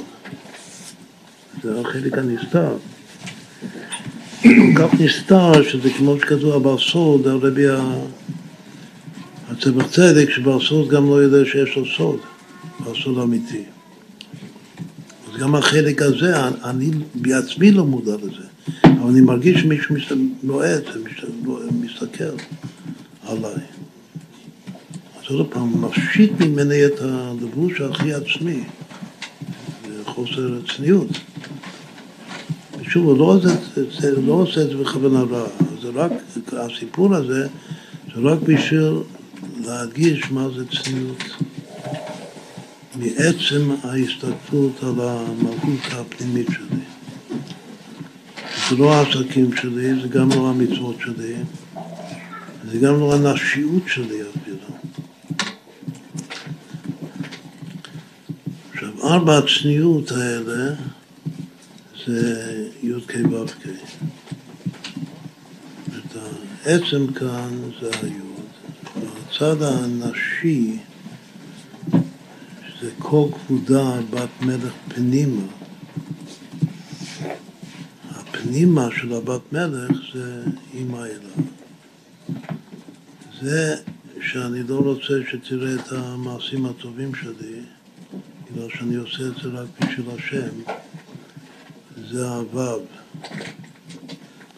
וזה שאני לא, לא רואה שתראה את העסקים שלי בגלל שאתה מכניס לי עין אורה בהסתכלות שלך, זה הייתה זה המלכות, עכשיו זה היתתה של שם השם. אז זה המבנה העיקרי שלנו, אבל נסיים את ה... נראה עוד כמה דברים מעניינים פה.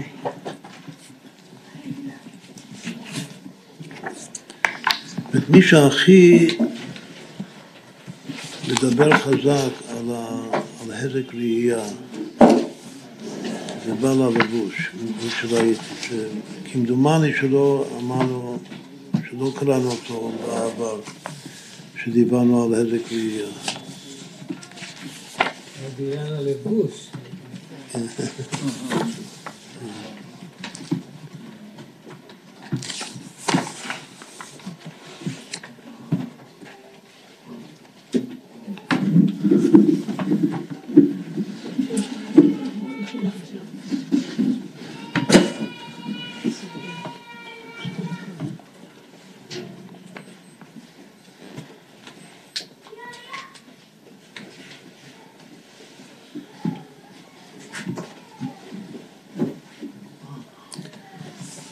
עכשיו, הלכות שכינה, אמרנו ששכינה ושכנים זה הולך ביחד.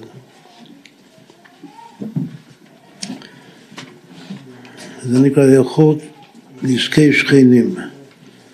בשלושת הסימנים הראשונים של הלכות נזקות שכנים בשולחן אורוך, בטור, זה נוגע לענייננו. קנ"ג, קנ"ד וקנ"ה. העיקר ההלכה שלנו שפתח נגד פתח וכולו זה קנ"ד, אבל זה מתחיל מקנ"ג. עכשיו רק הטור, רק הלבוש מתחיל מיד מהזק ראייה. כאילו שזה השורש של כל המרין בישין של בעיות בין שכנים. כלומר שזה מסלק את השכינה, דיברנו על סילוק, הסתלקות. אז אני קורא כאן התחלת, התחלת הלכות שכנים, נזקי שכנים בלבוש. כבר ידעת כמה הקפידה התורה שלא להזיק לחברו. התורה, אנחנו מאוד אוהבים את הלשון של הלבוש, יותר מכל הפוסקים, לשון הכי צחה. כפר אלתרעבי לוקח ממנו את הלשון שלו, שזה הלכה בטעמה. הוא הראשון שאמר הלכה בטעמה.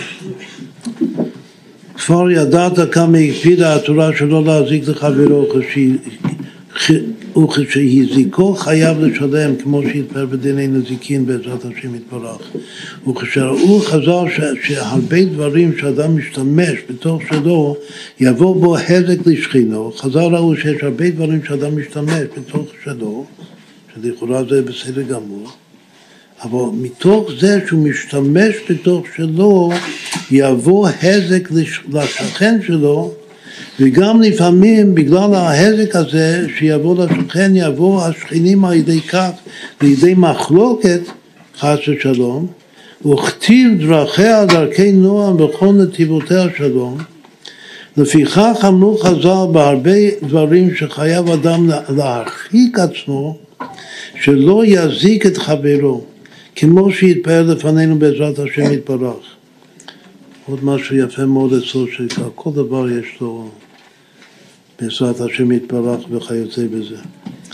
גם ראו חז"ל שהזק עכשיו, מה הדוגמה הראשונה, הדוגמה העיקרית? שחז"ל ראו שהזק ראייה שיראה אדם לביתו או לחצרו של חברו ורואה עסקיו ומסעו ומתנו זה בדיוק מה שהסברנו, אז כאן הוא מגדיר את זה יפה מאוד. הוא רואה את העסקים שלי והמשא ומתן שלי, הוא הזק גדול מאוד. אף אחד לא כותב ככה, עד כדי כך. ושזה שאני רואה את העסק, מה שאתה עושה, והמשא ומתן זה הזק גדול מאוד, עד שאין לו ערך לשלם, זה כל כך, זה גם כן מילים שלא לא, לא ראיתי אצל אף אחד, מאיפה לוקח את זה. עד שאין לו ערך לשלם. מה שאפילו שתיתן לו מיליונים בשביל ההזק ראייה זה לא שווה כמה שהזקת לו. זה הזק גדול מאוד עד שאין לו ערך לשלם כי אין לו קצבה. וגם אין, חוץ מזה שהוא אומר שאין הדת סובלתו ואפשר לבוא על ידי כך לידי ריב וקטטה מאוד זה הכל זה המילים של ההקדמה. שוב, חזק מאוד, לא, רק רציתי לקרוא את המילים האלה. כך הוא מתחיל את uh, סימן קנ"ג. אחר כך, עיקר הסימן אצלנו זה קנ"ד.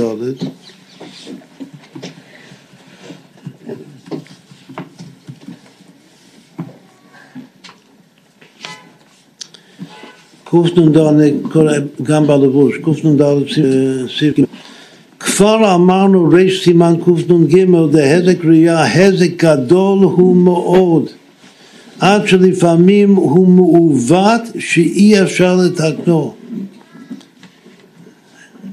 ושוב זה רק ההזק ראייה, זה המדרגה הכי נמוכה, זה המלכות.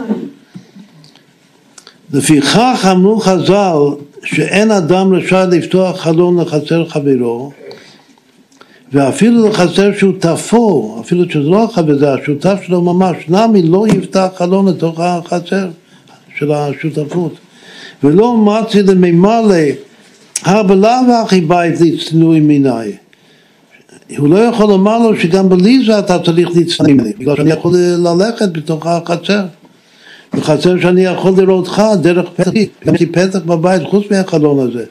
יכול לפתוח את, ה, את הדלת שלי ולראות אותך. ואם כן אין לך עסק חדש, זה שאני פותח חלון זה לא עסק חדש ממני, מצד פתיחת החלונות. אפילו הכי לא יפתח חלון, משום דאמר לאידך עד השתא בביתה לא בעניין לצנועי מנך, עד עכשיו לא הייתי צריך להצטנע שאתה נמצא בתוך הבית שלך.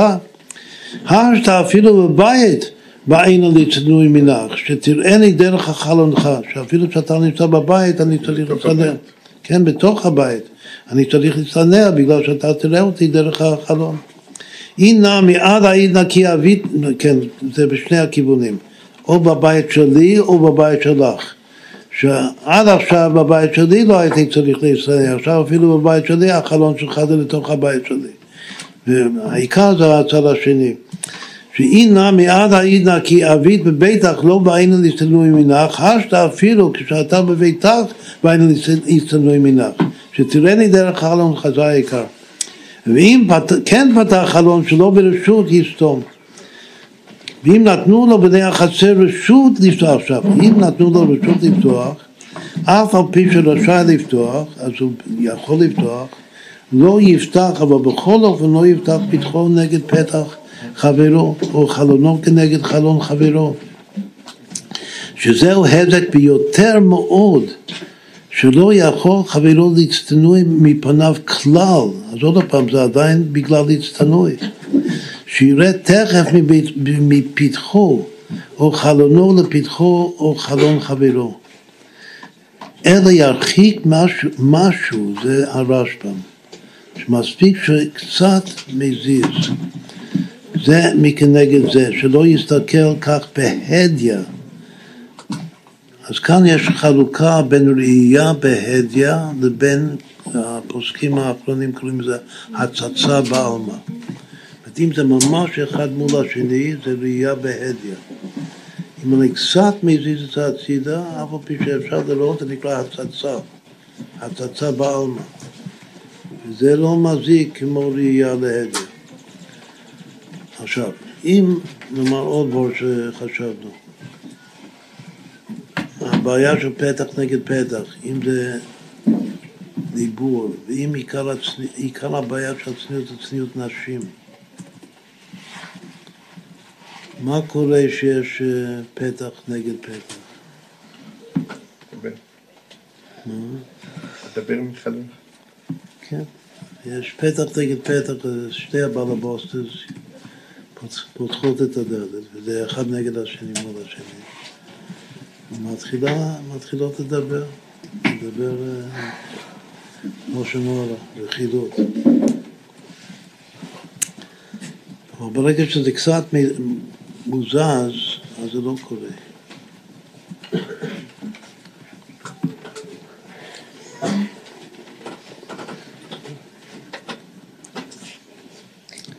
עכשיו הוא כותב כאן, יש אומרים לפתח כנגד פתח וחלון נגד חלון, אפילו חזוק או לא מהניה לאחרון שעשהו באחרונה, מפני שאין הדעת טובתו כלל, אז זה לא בגלל הצניעות של אה, בלעם, זה בגלל שזה הדת לא סובלת, זה כמו בית הכיסא, שאפילו נאמר שלא מיכה הראשון משום שאינו מקפיד ומוחל הווי כמו מחילה בטעות, זה הרמב"ן, זה מה שהרמב"ן, מה שהכסף משתמע הרמב"ן אומר, שאפילו אם הם אוכלים זה מחילה בטעות, בגלל שבסוף מתברר שהוא לא מסוגל לסבול את זה. שסבור היה, זה הרמב"ן כותב, שסבור היה שיוכל לסבול, ואתה רואה שאין דעתו סובלו. זה, זה עדיין לא הלוך למעשה, ההלכה למעשה הכי טוב זה בערוך השולחן.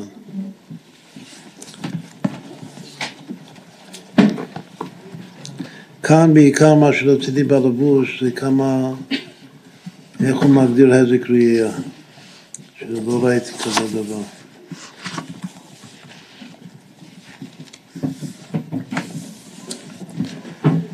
כאן בערוך השולחן, סימן קנ"ד, סעיף ו'. קיימה לן להזק ראייה שמו הזק. דרוב בני אדם מקפידים כשאחרים מביטים במעשיהם ובתשמישם ובמלאכתם. דעין הורו שולט בהבטת האחרים שמסתכלים על העסקים של התשמישים שלי.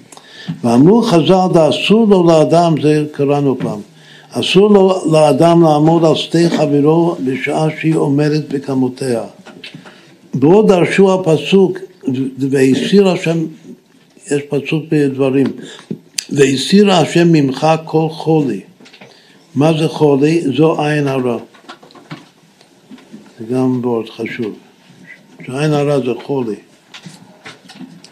חולי זה גם חלון, זה עיניים. אז והסיר השם ממך כל חולי זו עין הרע. ועוד, הוא כותב עוד משהו, ויש הרבה מלאכות ותשמישים הצריכים צניעות.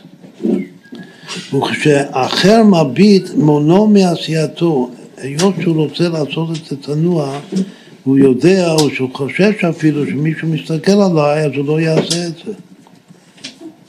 אז עוד יש לו הזק. כאילו, מה זה הזק? הפסד של ממון. בגלל שהוא נמנע מלעשות בגלל שמישהו מסתכל עליו.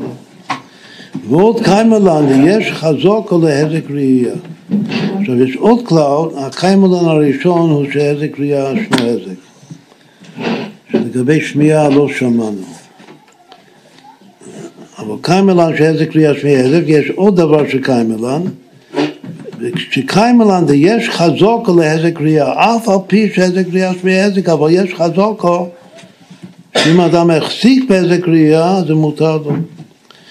מה זה שיעור החזוק? אז יש מחלוקת, כמו שכתוב בראש סימן קנ"ג. ויש אומרים, זה מיעד כשחברו עשה ונתוודע לו הזקו ושתק, אם הוא ראה שהחבר עושה משהו והוא שתק, זה מיד מחילה. מי אומר את זה? זה הרמב"ם והרמב"ן. אז יש לו חזוקו. אבל יש אומרים זה צריך גימל שנים וטענה. מי אומר את זה? תוספות, רבינו תם, הראש. וכבר ביארנו שם בסעיף ג' בחזוקו של הזק ראייה, כיוון דהבי ספיקא דדינא המוציא מחברו עליו הראייה, והניזק נקרא מוחזק. ולכן אין חזוק כזו בלא טענה, לכן צריך, בהזק ראייה צריך שלוש שנים וטענה, ולא פחות מגימל שנים. אבל חזוק יש להזק ראייה. הוא אומר שלכן יש, חזק, יש חזקה להזק ראייה, אבל החזקה זה חזקה חמורה של הראש, של שלוש שנים וטענה. ואף שיש מהגדולים לתפילה לו דאין חזוק כלל להזק ראייה, יש מי שאומר שאין בכלל חזקה להזק ראייה. מכל מקום הכריעו רבותינו בעלי השולחן אורך יש חזוקו. וכן יש להורות מאחר שהחזיק ג' שנים ובטענה, אז יש, יש חזוקו. אז יש מי שאומר שאין חזוקו בכלל איזה כלי. אחר כך סימן זין. לפיכך לא יפתח אדם חלון לחצר חברו ואפילו אחד מהשותפים בחצר שביקש לפתוח לו חלון או להוסיף עוד חלון בתוך ביתו לחצר, שותפו, שותפו מעכב עליו, מפני שמסתכל בו ממנו. ואם פתח יכול להפריחו, שיסתמנה מיד. ואינו יכול לומר, כיוון שיש לי פתח בחצר ואני נכנס בכל עת שארצה, איזו, הזק יש לך בפתיחת חלון, ויכול שותפו לומר לו, עד עתה כשהיית בביתך לא הייתי צריך להסתיר ממך.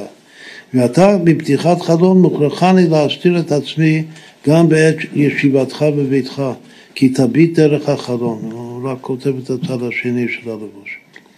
ואף כשהיה לו חלונות לתוך חצר מכל מקום, יכול למונו מלפתוח עוד חלון, היו לו חלונות כבר, אבל גם לפתוח עוד חלון אסור, הוא יכול למנוע ממנו, כלומר שיסתום את זה. ובריבוי חלונות צריך יותר הסתר. נראה, זה חידוש של ערוך השולחן. ואם נתנו לו השותפים רשות לפתוח בחצר חלון או פתח רשאי. והוא שלא, ומתי הוא רשאי? רק שזה לא יהיה פתח כנגד פתח. וחלון כנגד חלונו של חברו. ואפילו חזוקו אין מועיל לשני בזה. כאן אין חזקה בפתח נגד פתח.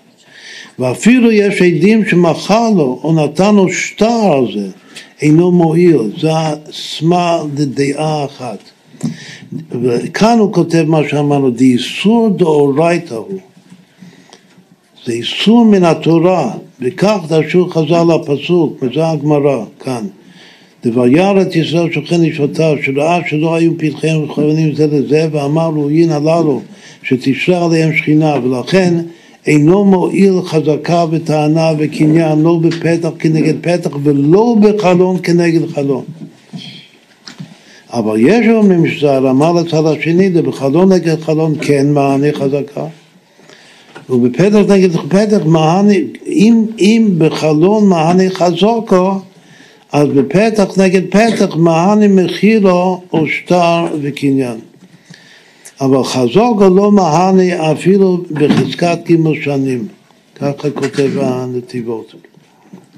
הוא סובר כצד הזה, לא כמו הצד של, של בלעם, שזה איסור דאורייתא. והטעם דספירה לו דאין איסור בדבר, שהצד הזה שאין איסור דאורייתא. אנחנו סוברים, כאילו הגר"ק סובר שכן יש איסור דאורייתא. אלא שבני אדם מקפידים על זה הרבה, לא כמו סתם איזה קריאה, זה הרבה יותר קשה מזה. ובחלון נגד חלון אין הקפדה גדולה כל כך, ולכן מעני חזוקו. אבל פתח נגד פתח הקפדה מרובה, והווה כמו נזקים גדולים שהתפאר להלן בסימן קנ"ה, כמו הבית הכיסא, שאין להם חזוקו. אבל מחילו או שטר או קין כן מענה. ואף שבחזוקו למען לידי חזוקו הווה מיד, שזה הרמב"ם והרמב"ן, והוא מטעם מחילה, אז גם כן לא מענה. זהו משום, זהו משום דמחילה זו, שמיד אנו תולים מטעם שתיקתו, ובוודאי שעל נזק גדול שתיקה זה לא, זה לא מספיק, כזה אין מוכלין ואין שתיקתו ראיה. אבל מחילה גמורה כן מעניש, שוב זה כל זה הנתיבות. ושיעור המרחק בין הבתים שאסור לפתוח הוא עד שלא יהיה ביכולת לראות מפתחו או מחלונו לתוך בית חברו, שזה כמו הרשב"א לפי המסקנה שלו, לא כמו הרשב"א. אז כך הוא, זה הסוף דבר כאן של הפסק הלכה. עכשיו נסיים כמה רמזים יפים.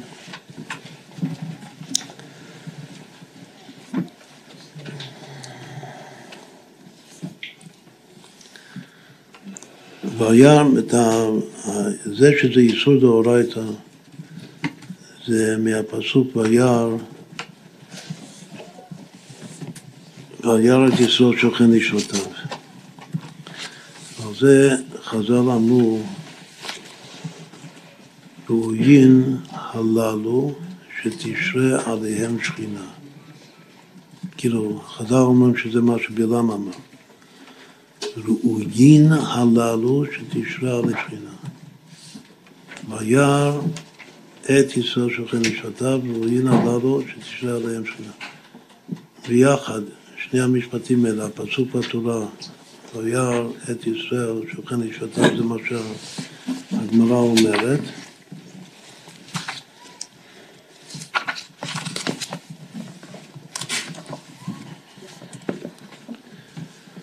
גמרא, כתוב במשנה שלא יפתח אדם לחצר השותפים פתח כנגד פתח, חלון כנגד חלון. אומרת הגמרא, מנא אני מילי, אמר רבי יוחנן, הדרוש הזה זה של רבי יוחנן, גם חשוב. ואמר קרא, וישא בלעם את עיניו וירא את ישראל שוכן לשבטיו. מה ראה? ראה שאין פתחי אור עליהם מכוונים זה לזה. אמר ראויין הללו שתשרה עליהם שכינה. עד כאן נקודותיים, סוף הסוגיה.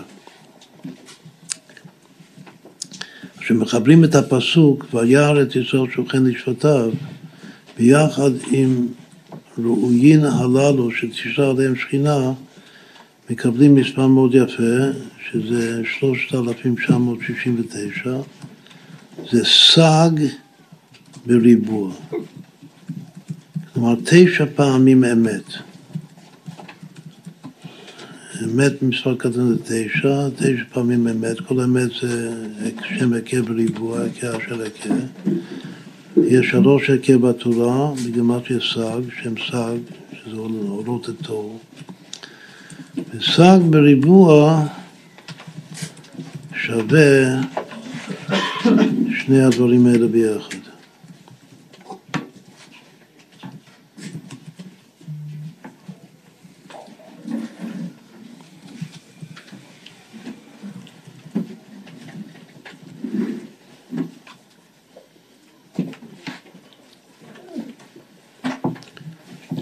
אמרנו למסקנה שלנו, המבנה שלנו, שזה עיקר השיעור, שיש צניעות של עסקים, יש צניעות של לכת,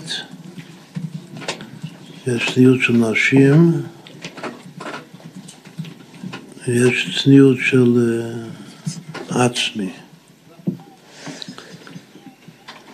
כמה זה שווה צניעות עסקים וכו', שווה ס"ב בריבוע. כלומר שהכל ביחד זה מספר השראה של ס"ג של ס"ג.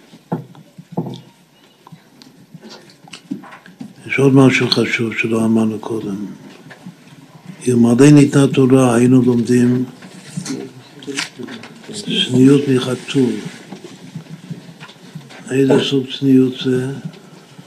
מחתול. החתול הוא דואג לעין הורו? בית הכיסא. מהארבע צניעות, איזה צניעות זה? מה מפריע לך? אין.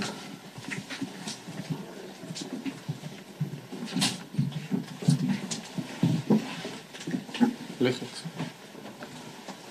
נשים. נשים לכת. כתוב שחתול זה, בקבלה כתוב שחתול זה משל של, של אישה, של מלכות. עכשיו איך רש"י אומר, מה זה הצניעות שהיינו לומדים צניעות מחתול? מה, מה אמרת? שהוא מכסה את הצואה. שהוא גם מוציא את הצואה ממקום מוסתר וגם מכסה אחר כך את הצואה. איך קוראים לצואה? ראי. זה רש"י אומר. וכולם, מה שראיתי, שכולם, כאילו, על פי רש"י ככה מבינים, שזה הצניעות של החתול. אבל ראיתי שרבינו חננאל, שזה לפני רש"י, הוא אומר אחרת. כאילו, מה הגדר של צניעות שלו, מה זה הצניעות של החתול בכלל? זה לא כתוב בגמרא. רבינו חננאל אומר ש, שבועל בסתר. מה הצניעות של התרנגול? מה, מה זה הדרך? לא את הצניעות. מה לומדים מתרנגול? דרך ארץ. מה זה הדרך ארץ? שמפייס. משהו, אחר לגמרי. גם, הוא גם שקרן, כתוב שהוא שקרן. לא צריך ללמוד ממני יותר מדי. את ה... בן יהוידע אומר שמאף אחד מאלה לא צריך ללמוד יותר מדי, בגלל שכולם ביחד, הם כאילו עם המעלה יש להם חיסרון גדול מאוד. תרנגול, שוב, הוא שקרן גמור, מרמה. בכל אופן, זה, לפי רבנו חננאל, זה שני דברים שונים, אבל שניהם בהלכות אישות. לפי רש"י, זה, וגם כשאני אומר את המילה צניעות, זה קשה לי רש"י. איזה צניעות זה מה? צניעות זה שמכסה את הראי שלו. אז מה? בסדר, טוב. לא נכון כרש"י, בכל אופן. המילה צניעות זה הרבה יותר משמעותי כמו רבנו חננאל, כמו הרך, שהוא בועל בסתר. עכשיו צריך לבדוק את המציאות. ראיתי שיש תשובה ארוכה ארוכה כאורך הגלות של הרב עובדיה, אם מותר לבקר בגן חיות. בשביל לראות את היופי, ללמוד מהחיות. אז אנחנו אומרים שבפשוטות מותר למה? בגלל שאפשר לומר פרק שירה עם כל אחד מה, מהחיות.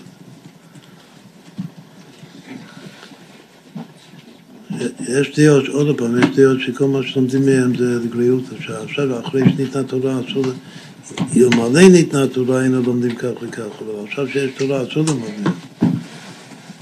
ויש מי שאומר לא, שזה לא, לא, לא. שכן צריך ללמוד מהחיות, מהטבע. אבל פי שאצלם זה בלי אבידו, זה לא שום עבודה, אצלנו זה עבודה. סתם זה טבע.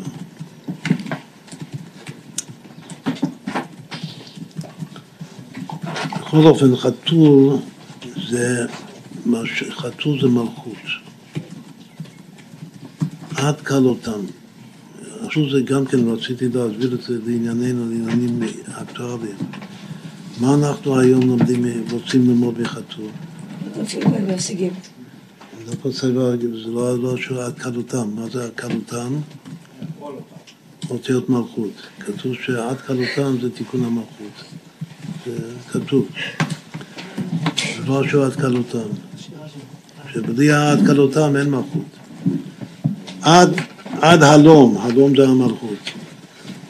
לא אשוב עד כלותם עד שנתקן פה את המלכות. אז באמת זה תלוי באיזו מידה בנפש. צניעות. גם כן רואים שלנצח עד הסוף זה פונקציה של, כאילו זה בא מכוח הצניעות של הבן אדם. כל שצניעות צניעות זה הרבה הפכים צניעות. השם אלוקיך מקדם בקרב מחניך. כן, כן, גם כן, בדיוק, שלא יראה בך ערוות עבר ושמח עליך. זה כמו החתול. כלותם זה לשון קלה. כאן זה כמו החתול. צודק שני רש"י. הדברים. כן, נכון, יש עוד ה... יתד, נכון, בדיוק, כן.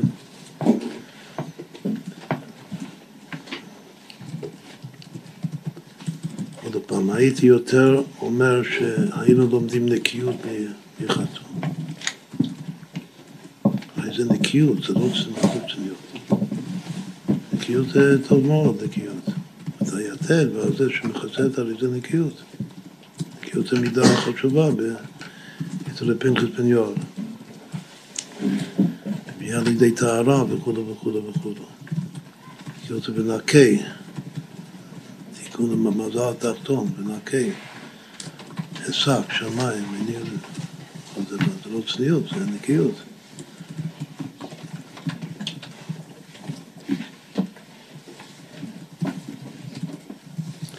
מה החתול עושה כל הזמן? הוא רודף אחרי עכברים. הוא מנקה- הוא מנקה את עצמו. הוא מנקק את עצמו. באמת העמידה של החתול זה נקיות לכאורה.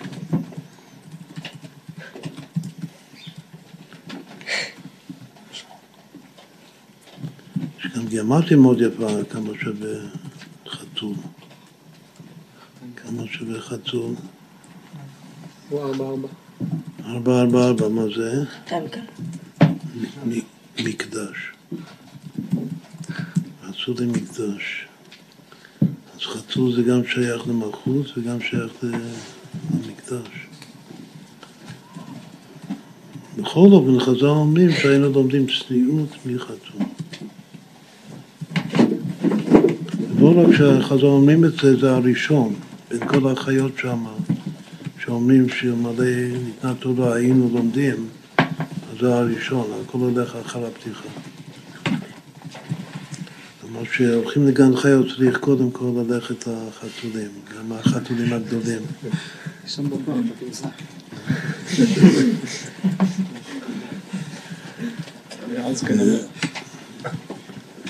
זה, זה, קודם זה משפחת החתולים, משפחה אחת על פי תורה. הרב אומר שבכל אחד במעלה יש גם חיסרון, זה הכי מלוכלך. אחרת שזה- לא מופיע בתנ"ך. מה? לא כתוב בתנ"ך חתול. חתולתו כתוב, חיתול כתוב. יש חיתולים. יש- לא, יש לו משנה.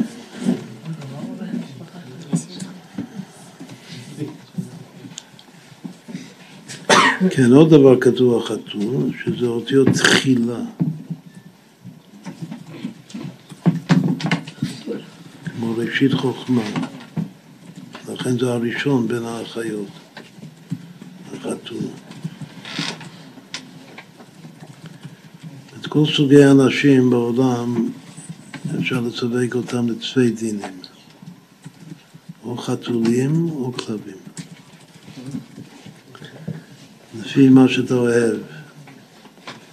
יש כאלה שאוהבים כלבים, יש כאלה שאוהבים חתולים. מי שלא אוהב לא יוצא ולא הוא לא בן אדם. אני לא לראות.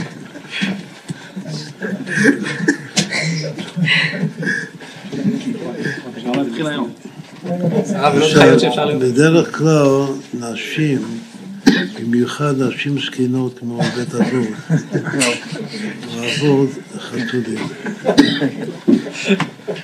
בגלל שזה סמל של נשיות, מה שנקרא צניעות נשים.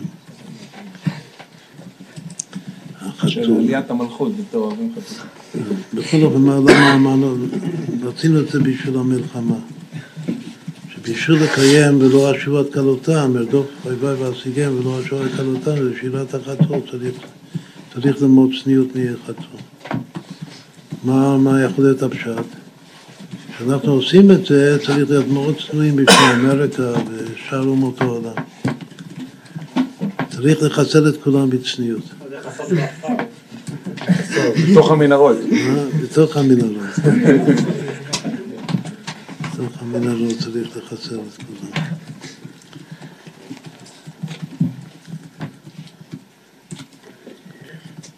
כנראה שהחתול הוא מאוד אה, מודע לפוליטיקות. חיה פוליטיקאית. כלב הוא לא, לא פוליטיקאי. אבל חתולה פוליטיקאית. כל הפוליטיקאים עם כלבים. מה? פני הדור כפני הכלב, הפוליטיקאים עם כלבים. מלכים שעליהם שגל. בכל אופן צריך ביחד עם החתול גם כן, כמה שווה חתול וכלב ביחד. אמרתי, מלכות.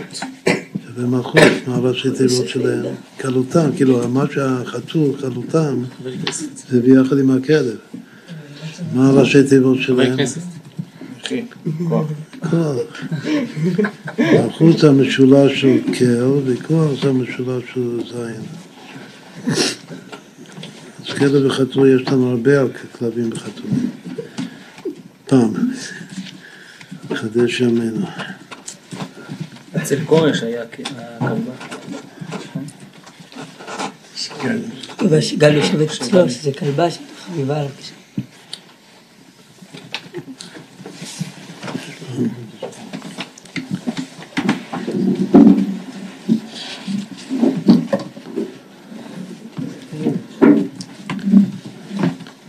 אז אמרנו גיאומטיה מאוד יפה, ש...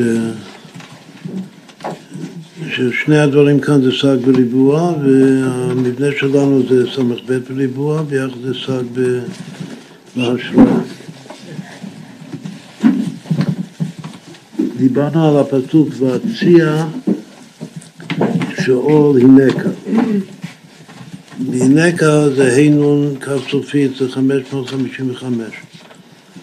והציע זה שווה יעקב, כמה שווה והציע של הנקה?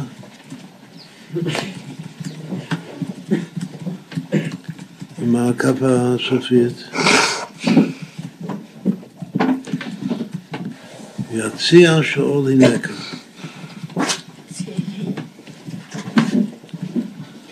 כמה?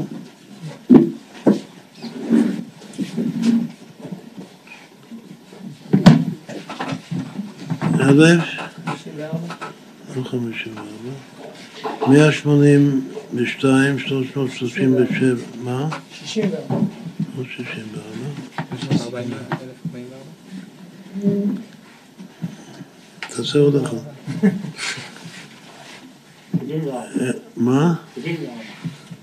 אלף שבעים וארבע, שלוש מילים, תחלק את זה בשלוש. שווה תורת חיים, זה התלמוד תורה שלנו בירושלים. משיח, משיח, משיח, והציר של הנהגה שווה משיח, משיח, משיח, זה משהו מאוד יפה שלא כתבנו, אבל עוד יותר חשוב לנו עכשיו, לא עוד יותר, ביחד עם זה, מה הבסיס של הסדרה. והציע של הנקה, 182, 337, 555. ההפרש של ההפרשים, הבסיס.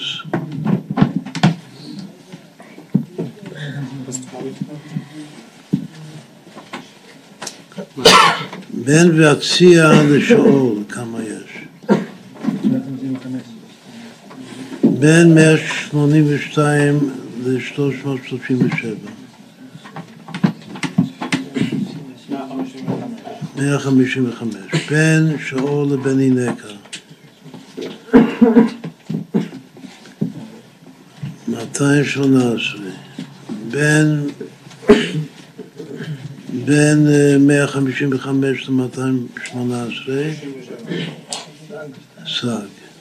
מש- זה משיח, משיח, משיח, הבסיס זה סג.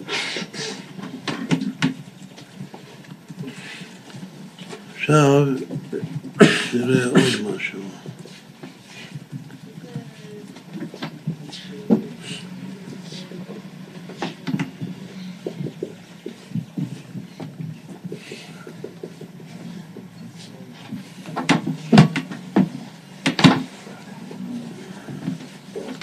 מה משהו לכבוד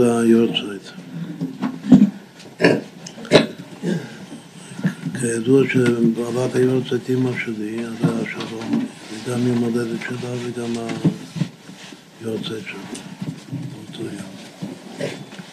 הגיעו בהם, 47. כלומר שהשנה הזאת זה בדיוק 60 שנה ליורצייט. וזה 107 שנים ליום הולדת.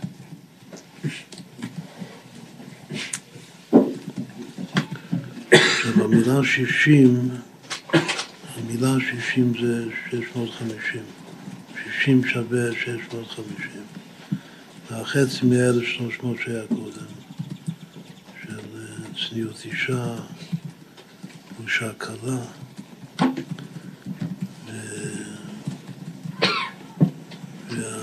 זה 25 פעמים מהבעיה, זה הפירמידה של 12, המילה 60. כמה זה 60 במספר סידורי?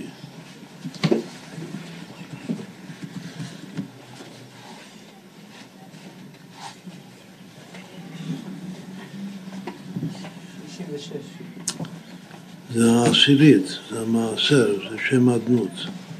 60 זה, שוב, 60 זה עשר פעמים האדני, ובמספר סידורי זה האדני אחד. כמה זה במספר קטן? 60. 11. וכמה זה במספר קטן האחרון? שתיים. שתיים. אז כמה זה כל ארבע המדרגות ביחד? המספר 60. זה 728. זה שווה 728, לחלק את זה בארבע, יש פה ארבע רמות. ארבע פעמים יעקב, כלומר שממוצע זה שבע פעמים הוויה. 60 זה 25 פעמים הוויה, וזה עשר פעמים אדנות וכו'. שזה המילה ויציע, ויציע של הנגב. עכשיו זה מה... זה היורצייט זה 60 שנה, שיש לו גם בין 60 לזקנה, זה קנה חוכמה. אבל היום הולדת זה 107. זאת אומרת שהיום אה, אמא מסיימת את פרק ארבעה צריכים להודות, פרק ק"ז בתהילים. 107 שווה מגן דוד. שווה אנוכי הוויה, שתי המילים הראשונות של עשרת הדיברות. כמה שווה המילים 107? ארבע, שתיים, ארבע, משיח בן דוד. עכשיו, 107 שווה מגן דוד, ובמילים זה שווה משיח בן דוד. אז כמה זה ביחד 60 ו-107 במילים?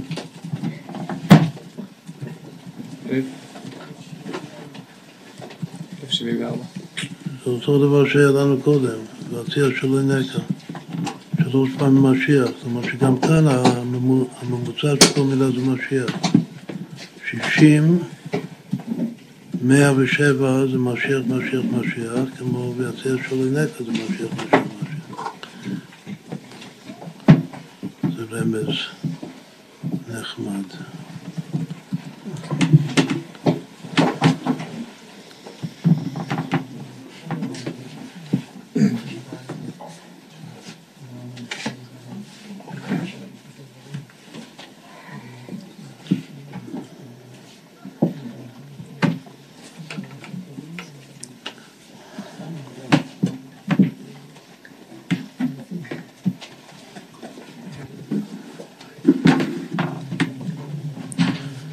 כן, בואו נאמר דבר אחד לסוף. יש פה תוספות קטן. ראויין הללו שתשרה שכינה עליהם, מסעיפי דקרא דריש, תכתיב ותהי עליו רוח אלוקים.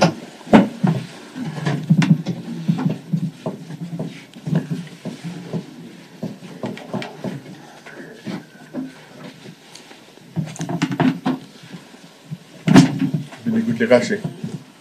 כן. כאילו תוספת, אם רוצים לעשות גמל... יש פה עוד גמטיות שקשורות מאוד לעניין. קודם כל, מה טוב הולך יעקב משכנותך ישראל, זה, זה קשור לעצם העניין כאן, של הצניעות. וגם הפסוק עכשיו, מה שהוא מוסיף לנו, שצריך גם להוסיף את המילים האלה, ותהי עליו רוח אלוקים. עכשיו, מה שייך ותהי עליו רוח אלוקים שעזר בלעם להשראת השכינה על ישראל? מה הקשר? כאילו, מה הפשט של התוצאות כאן? ראויין הללו שתשרה שכינה עליהם, אומר התוצאות מסעיפי דקרא דריש, דכתיב ותהי עליו רוח אלוקים. כשאני קראתי את זה חשבתי ככה, ש... שבלעם רואה את התופעה הזאת של הצניעות של עם ישראל, שזה משהו מיוחד בעם ישראל, והוא מקבל רוח הקודש, רוח אלוקים עליו. הסימן שהוא כאילו חווה מה שראויים להם מזה שבתי עליו רוח אלוקים, התוספות לומדים שהוא מבין שראויים הללו ל- להשראת השכינה. קצת מוזר. עכשיו, מי ששואל את זה, את השאלה הזאת, מה הקשר, מה זה התוספות, מה, מה הוא כותב כאן, זה התז. אתה יכול לפתוח את ה... על הפסוק, ותהי עליו רוח אלוקים בפרשת בלעם, את התז.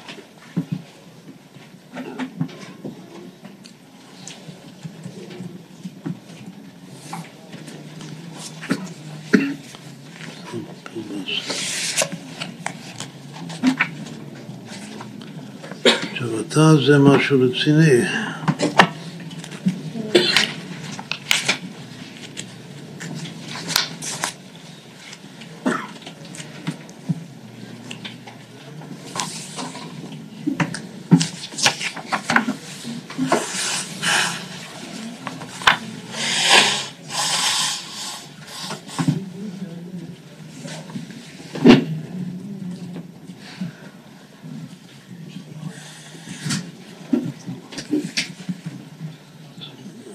קורא כאן, ותהי עליו רוח אלוקים, פירש רש"י, עלה בליבו שלא יקללם. על המילים האלה, מה רש"י כותב, ותהי עליו רוח אלוקים. שהרוח האלוקים ששרתה על בלעם זה, זה מה שעלה בליבו שלא יקללם, שלא יקלל אותם כאן. נראה ביאור זה על פי הגמרא, לא יפתח אדם פתח נגד פתח. ואמרינן בגמרא, אמר רבי יוחנן, הוא ראה שאין פתחי אוהליהם מכוונים זה כנגד זה, אמר, ראויים הללו שתשרה עליהם שכינה. ופרשו התוספות שם, דלמד זה, מדכתיב אחריו, ותהי עליו רוח אלוקים. וזה צריך ביאור, דהה על בלעם אמר, שהיה עליו רוח אלוקים, לא על בני ישראל. אלא דהכי פירושו, דקשה בפסוק שאמר שראה ישראל שוכן נשותיו ותהי עליו. איך שייך זה לזה? מה הקשר בין וירא לבין ותהי? מה שהוא אומר שזה בא מתהי, הוא, אומר שזה בא בעצם מה, מהקושי, מה הקשר בין וירא לבין ותהי. עכשיו הגמרא, אין שום רמז לזה בגמרא. כי זה חידוש של התוצאות לפי כאן הביור של התז. אלא זה בלעם אמר על זה ראויים הם שתשתכחו לו. דהיינו לשון תפילה. פירוש מופלא של התז. אומר שמה שהוא אמר שראויים הללו שתשרה עליהם שכינה זה בדרך תפילה. הוא הסתכל על היהודים, ראה את הצניעות המיוחדת והמופלאה של היהודים, ואז הוא כאילו פנה להשם, הוא אומר להשם שהוא ראויים הללו שתשרה עליהם שכינה, שזה תפילה. שהוא אומר שראויים עליו, הוא אומר להשם, כדאי שתשרה את השכינה של, שלך עליהם. בלעם מתפלל את זה להשם, כך הוא אומר. דהיינו לשון תפילה שיתפלל עליהם שתשרה שכינה, כלומר, אף על פי שנסתלק כיסוי הענן מהם, שלכן הוא ראה אותם, יש פה הסתלקות והתפשטות, מה שדיברנו לאחרונה. אומרת, כדי שבן יראה אותם, שוכן לשפטיו, אז יסתדק כיסוי הענן. מכל מקום השכינה לא תסור מהם. גם כשהשכינה מסתדקת, יש, יש מהם, השכינה לא מהם. וכל העכשיו, זה מה שהוא התפלל, שהשכינה תמיד תהיה על עם ישראל גם בזמן שהכיסוי מסתדק. למה הכיסוי מסתדק? לא שהם לא, לא, לא, לא, לא ראויים לזה. אבל בגלל הצניעות שלהם, גריידה, שתמיד תהיה השראת השכינה עליהם. וכל, עכשיו הוא כותב עוד משהו מופלא. כל המתפלל על חברו והוא צריך לאותו דבר, הוא נענה תחילה.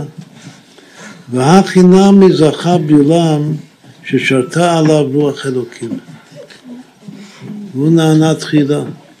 הוא מתפלל על היהודים שמגיע להם השראת השכינה, לכן זה, זה פירוש התז. אל תראה, כתוב ביום יום קראנו, שעד התז הכל זה ברוח הקודש. התז והשח.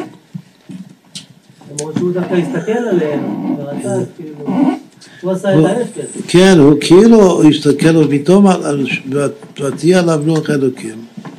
אז קודם, רש"י אומר שעלה בליבו שלא יקל עליהם, אבל כאן הוא אומר שזה בגלל שהוא יתפלל עליהם, שראויין הללו שישתה עליהם שכינה, זה גם כן נגד הטבע שלו לגמרי. אז, אז, אז שתה על, עליו רוח אלוקים, בדרך שכתב, עכשיו הוא מקשר את הדבר, שלא סותר את רש"י. אומר שזה מה שרש"י כותב שעלה בליבו שלא יקל עליהם מחמת סילוק הענן. כי עדיין שכינה שרויה עליהם, אף על פי שהענן מסתלק, בגלל שהוא הזכיר את חטא העגל. אף על פי כן הם ראויים להשראת השאלה, גם בזמן החיים שלהם. כיוון שעל ידי זה בא עליו, למה כאילו יש פה תהליך שלם, שהוא הוא יסתכל עליהם, ענן יסתדק, ענן יסתדק הוא ראה ששוכן נשמתיו, ואז הוא יתפלל שהוא יימדע לו, ואז הוא כל המתפלל על חברו, הוא נענה תחילה, אז הוא קיבל רוח אלוקים, ועל ידי, ו, ו, הרוח האלוקים שהגיע אליו, עלה בליבו שלא יקלדם. אף על פי שיש פה סילוק הענן.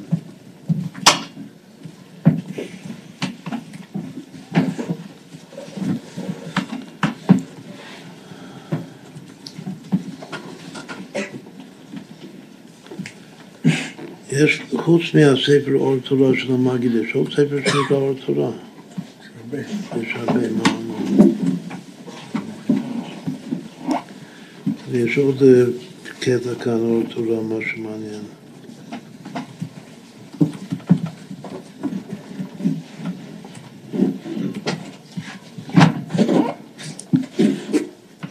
יש פה קטע מספר שנקרא אור תורה שלו שלו של המגיד, איזה אור תורה אחר,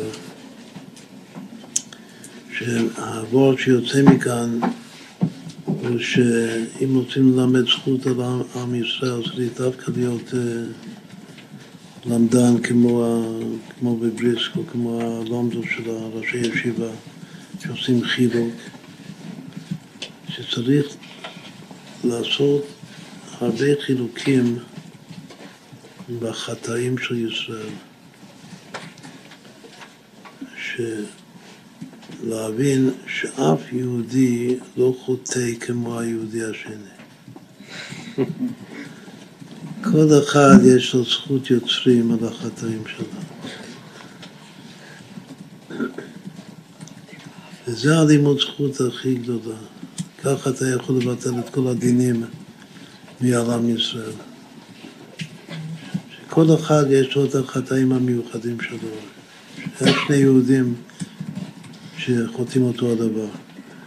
כמו שאין פרצופיהם שווים אחד לשני, אין דעותיהם שווים אחד אין להם שפה משותפת. לשני. החטא שלהם, נראה מה שהוא כותב כאן. מגיע בודד.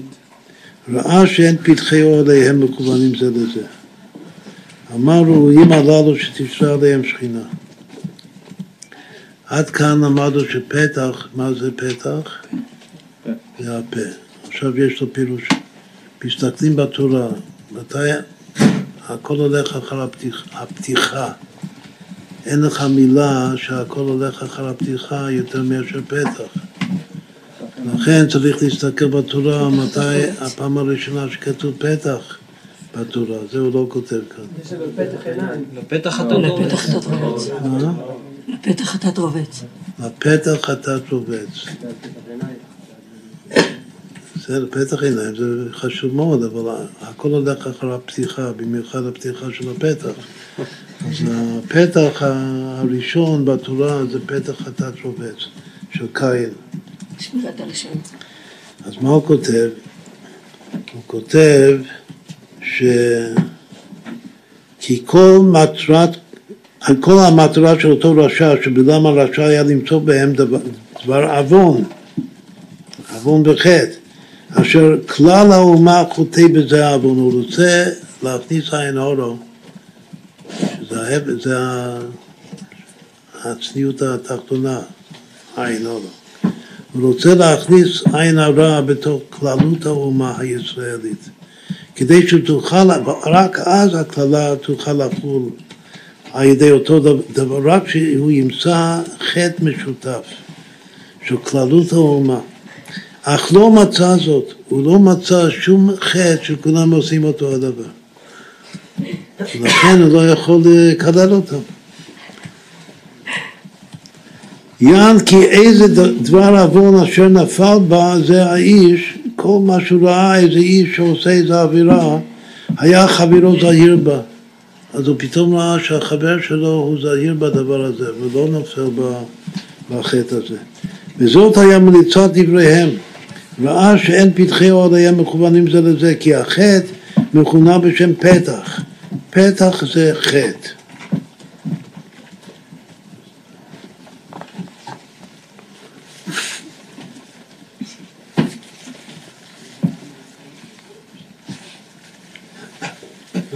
כתוב שקבלת הערבות... כמאמר הכתוב לפתח חטאת רובץ. וראה שאין פתחי עליהם מכוונים זה כנגד זה, למשל, עכשיו הוא נותן משל לזה. כאשר יזרוק איש אבן באיזה בית, עכשיו זה משל, זה, זה קשור לפתח של הבית. אם אדם זורק אבן או זורק כדור, זורק חץ בתוך פתח, ובבית ההוא עשרה חדרים, זה לפנים מזה, ואם הפתחים מכוונים זה אחר זה, ירוץ האבן או החץ או הכדור כסדר בכל עשרת החדרים. אבל אם הפתחים אינם מכוונים, אז לא ילך האבן כי אם בחדר הראשון, ואז הוא יגיע לקיר, קיר סתום. כמו כן ראה בלעם כי בחטא שהיה חסר אחד, חטא לשון חיסרון. אז בחיסרון של אחד היה נסהר השני, היה מלא. ועל כן לא הלך החטא הלאה. אז בעצם מה שהוא זורק כדורים, הוא יורה כדורים, זה הוא יורה חטאים, שזה חסרונות.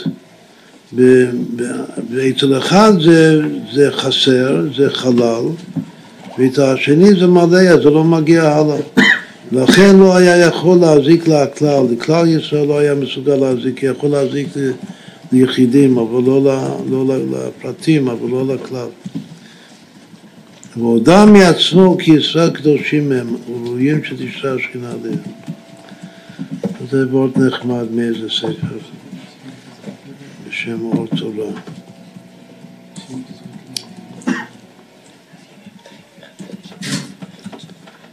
אז על כך- על כך אפשר לדרוש מה שכתוב בתניא, שכל אחד מתוקן מחברו.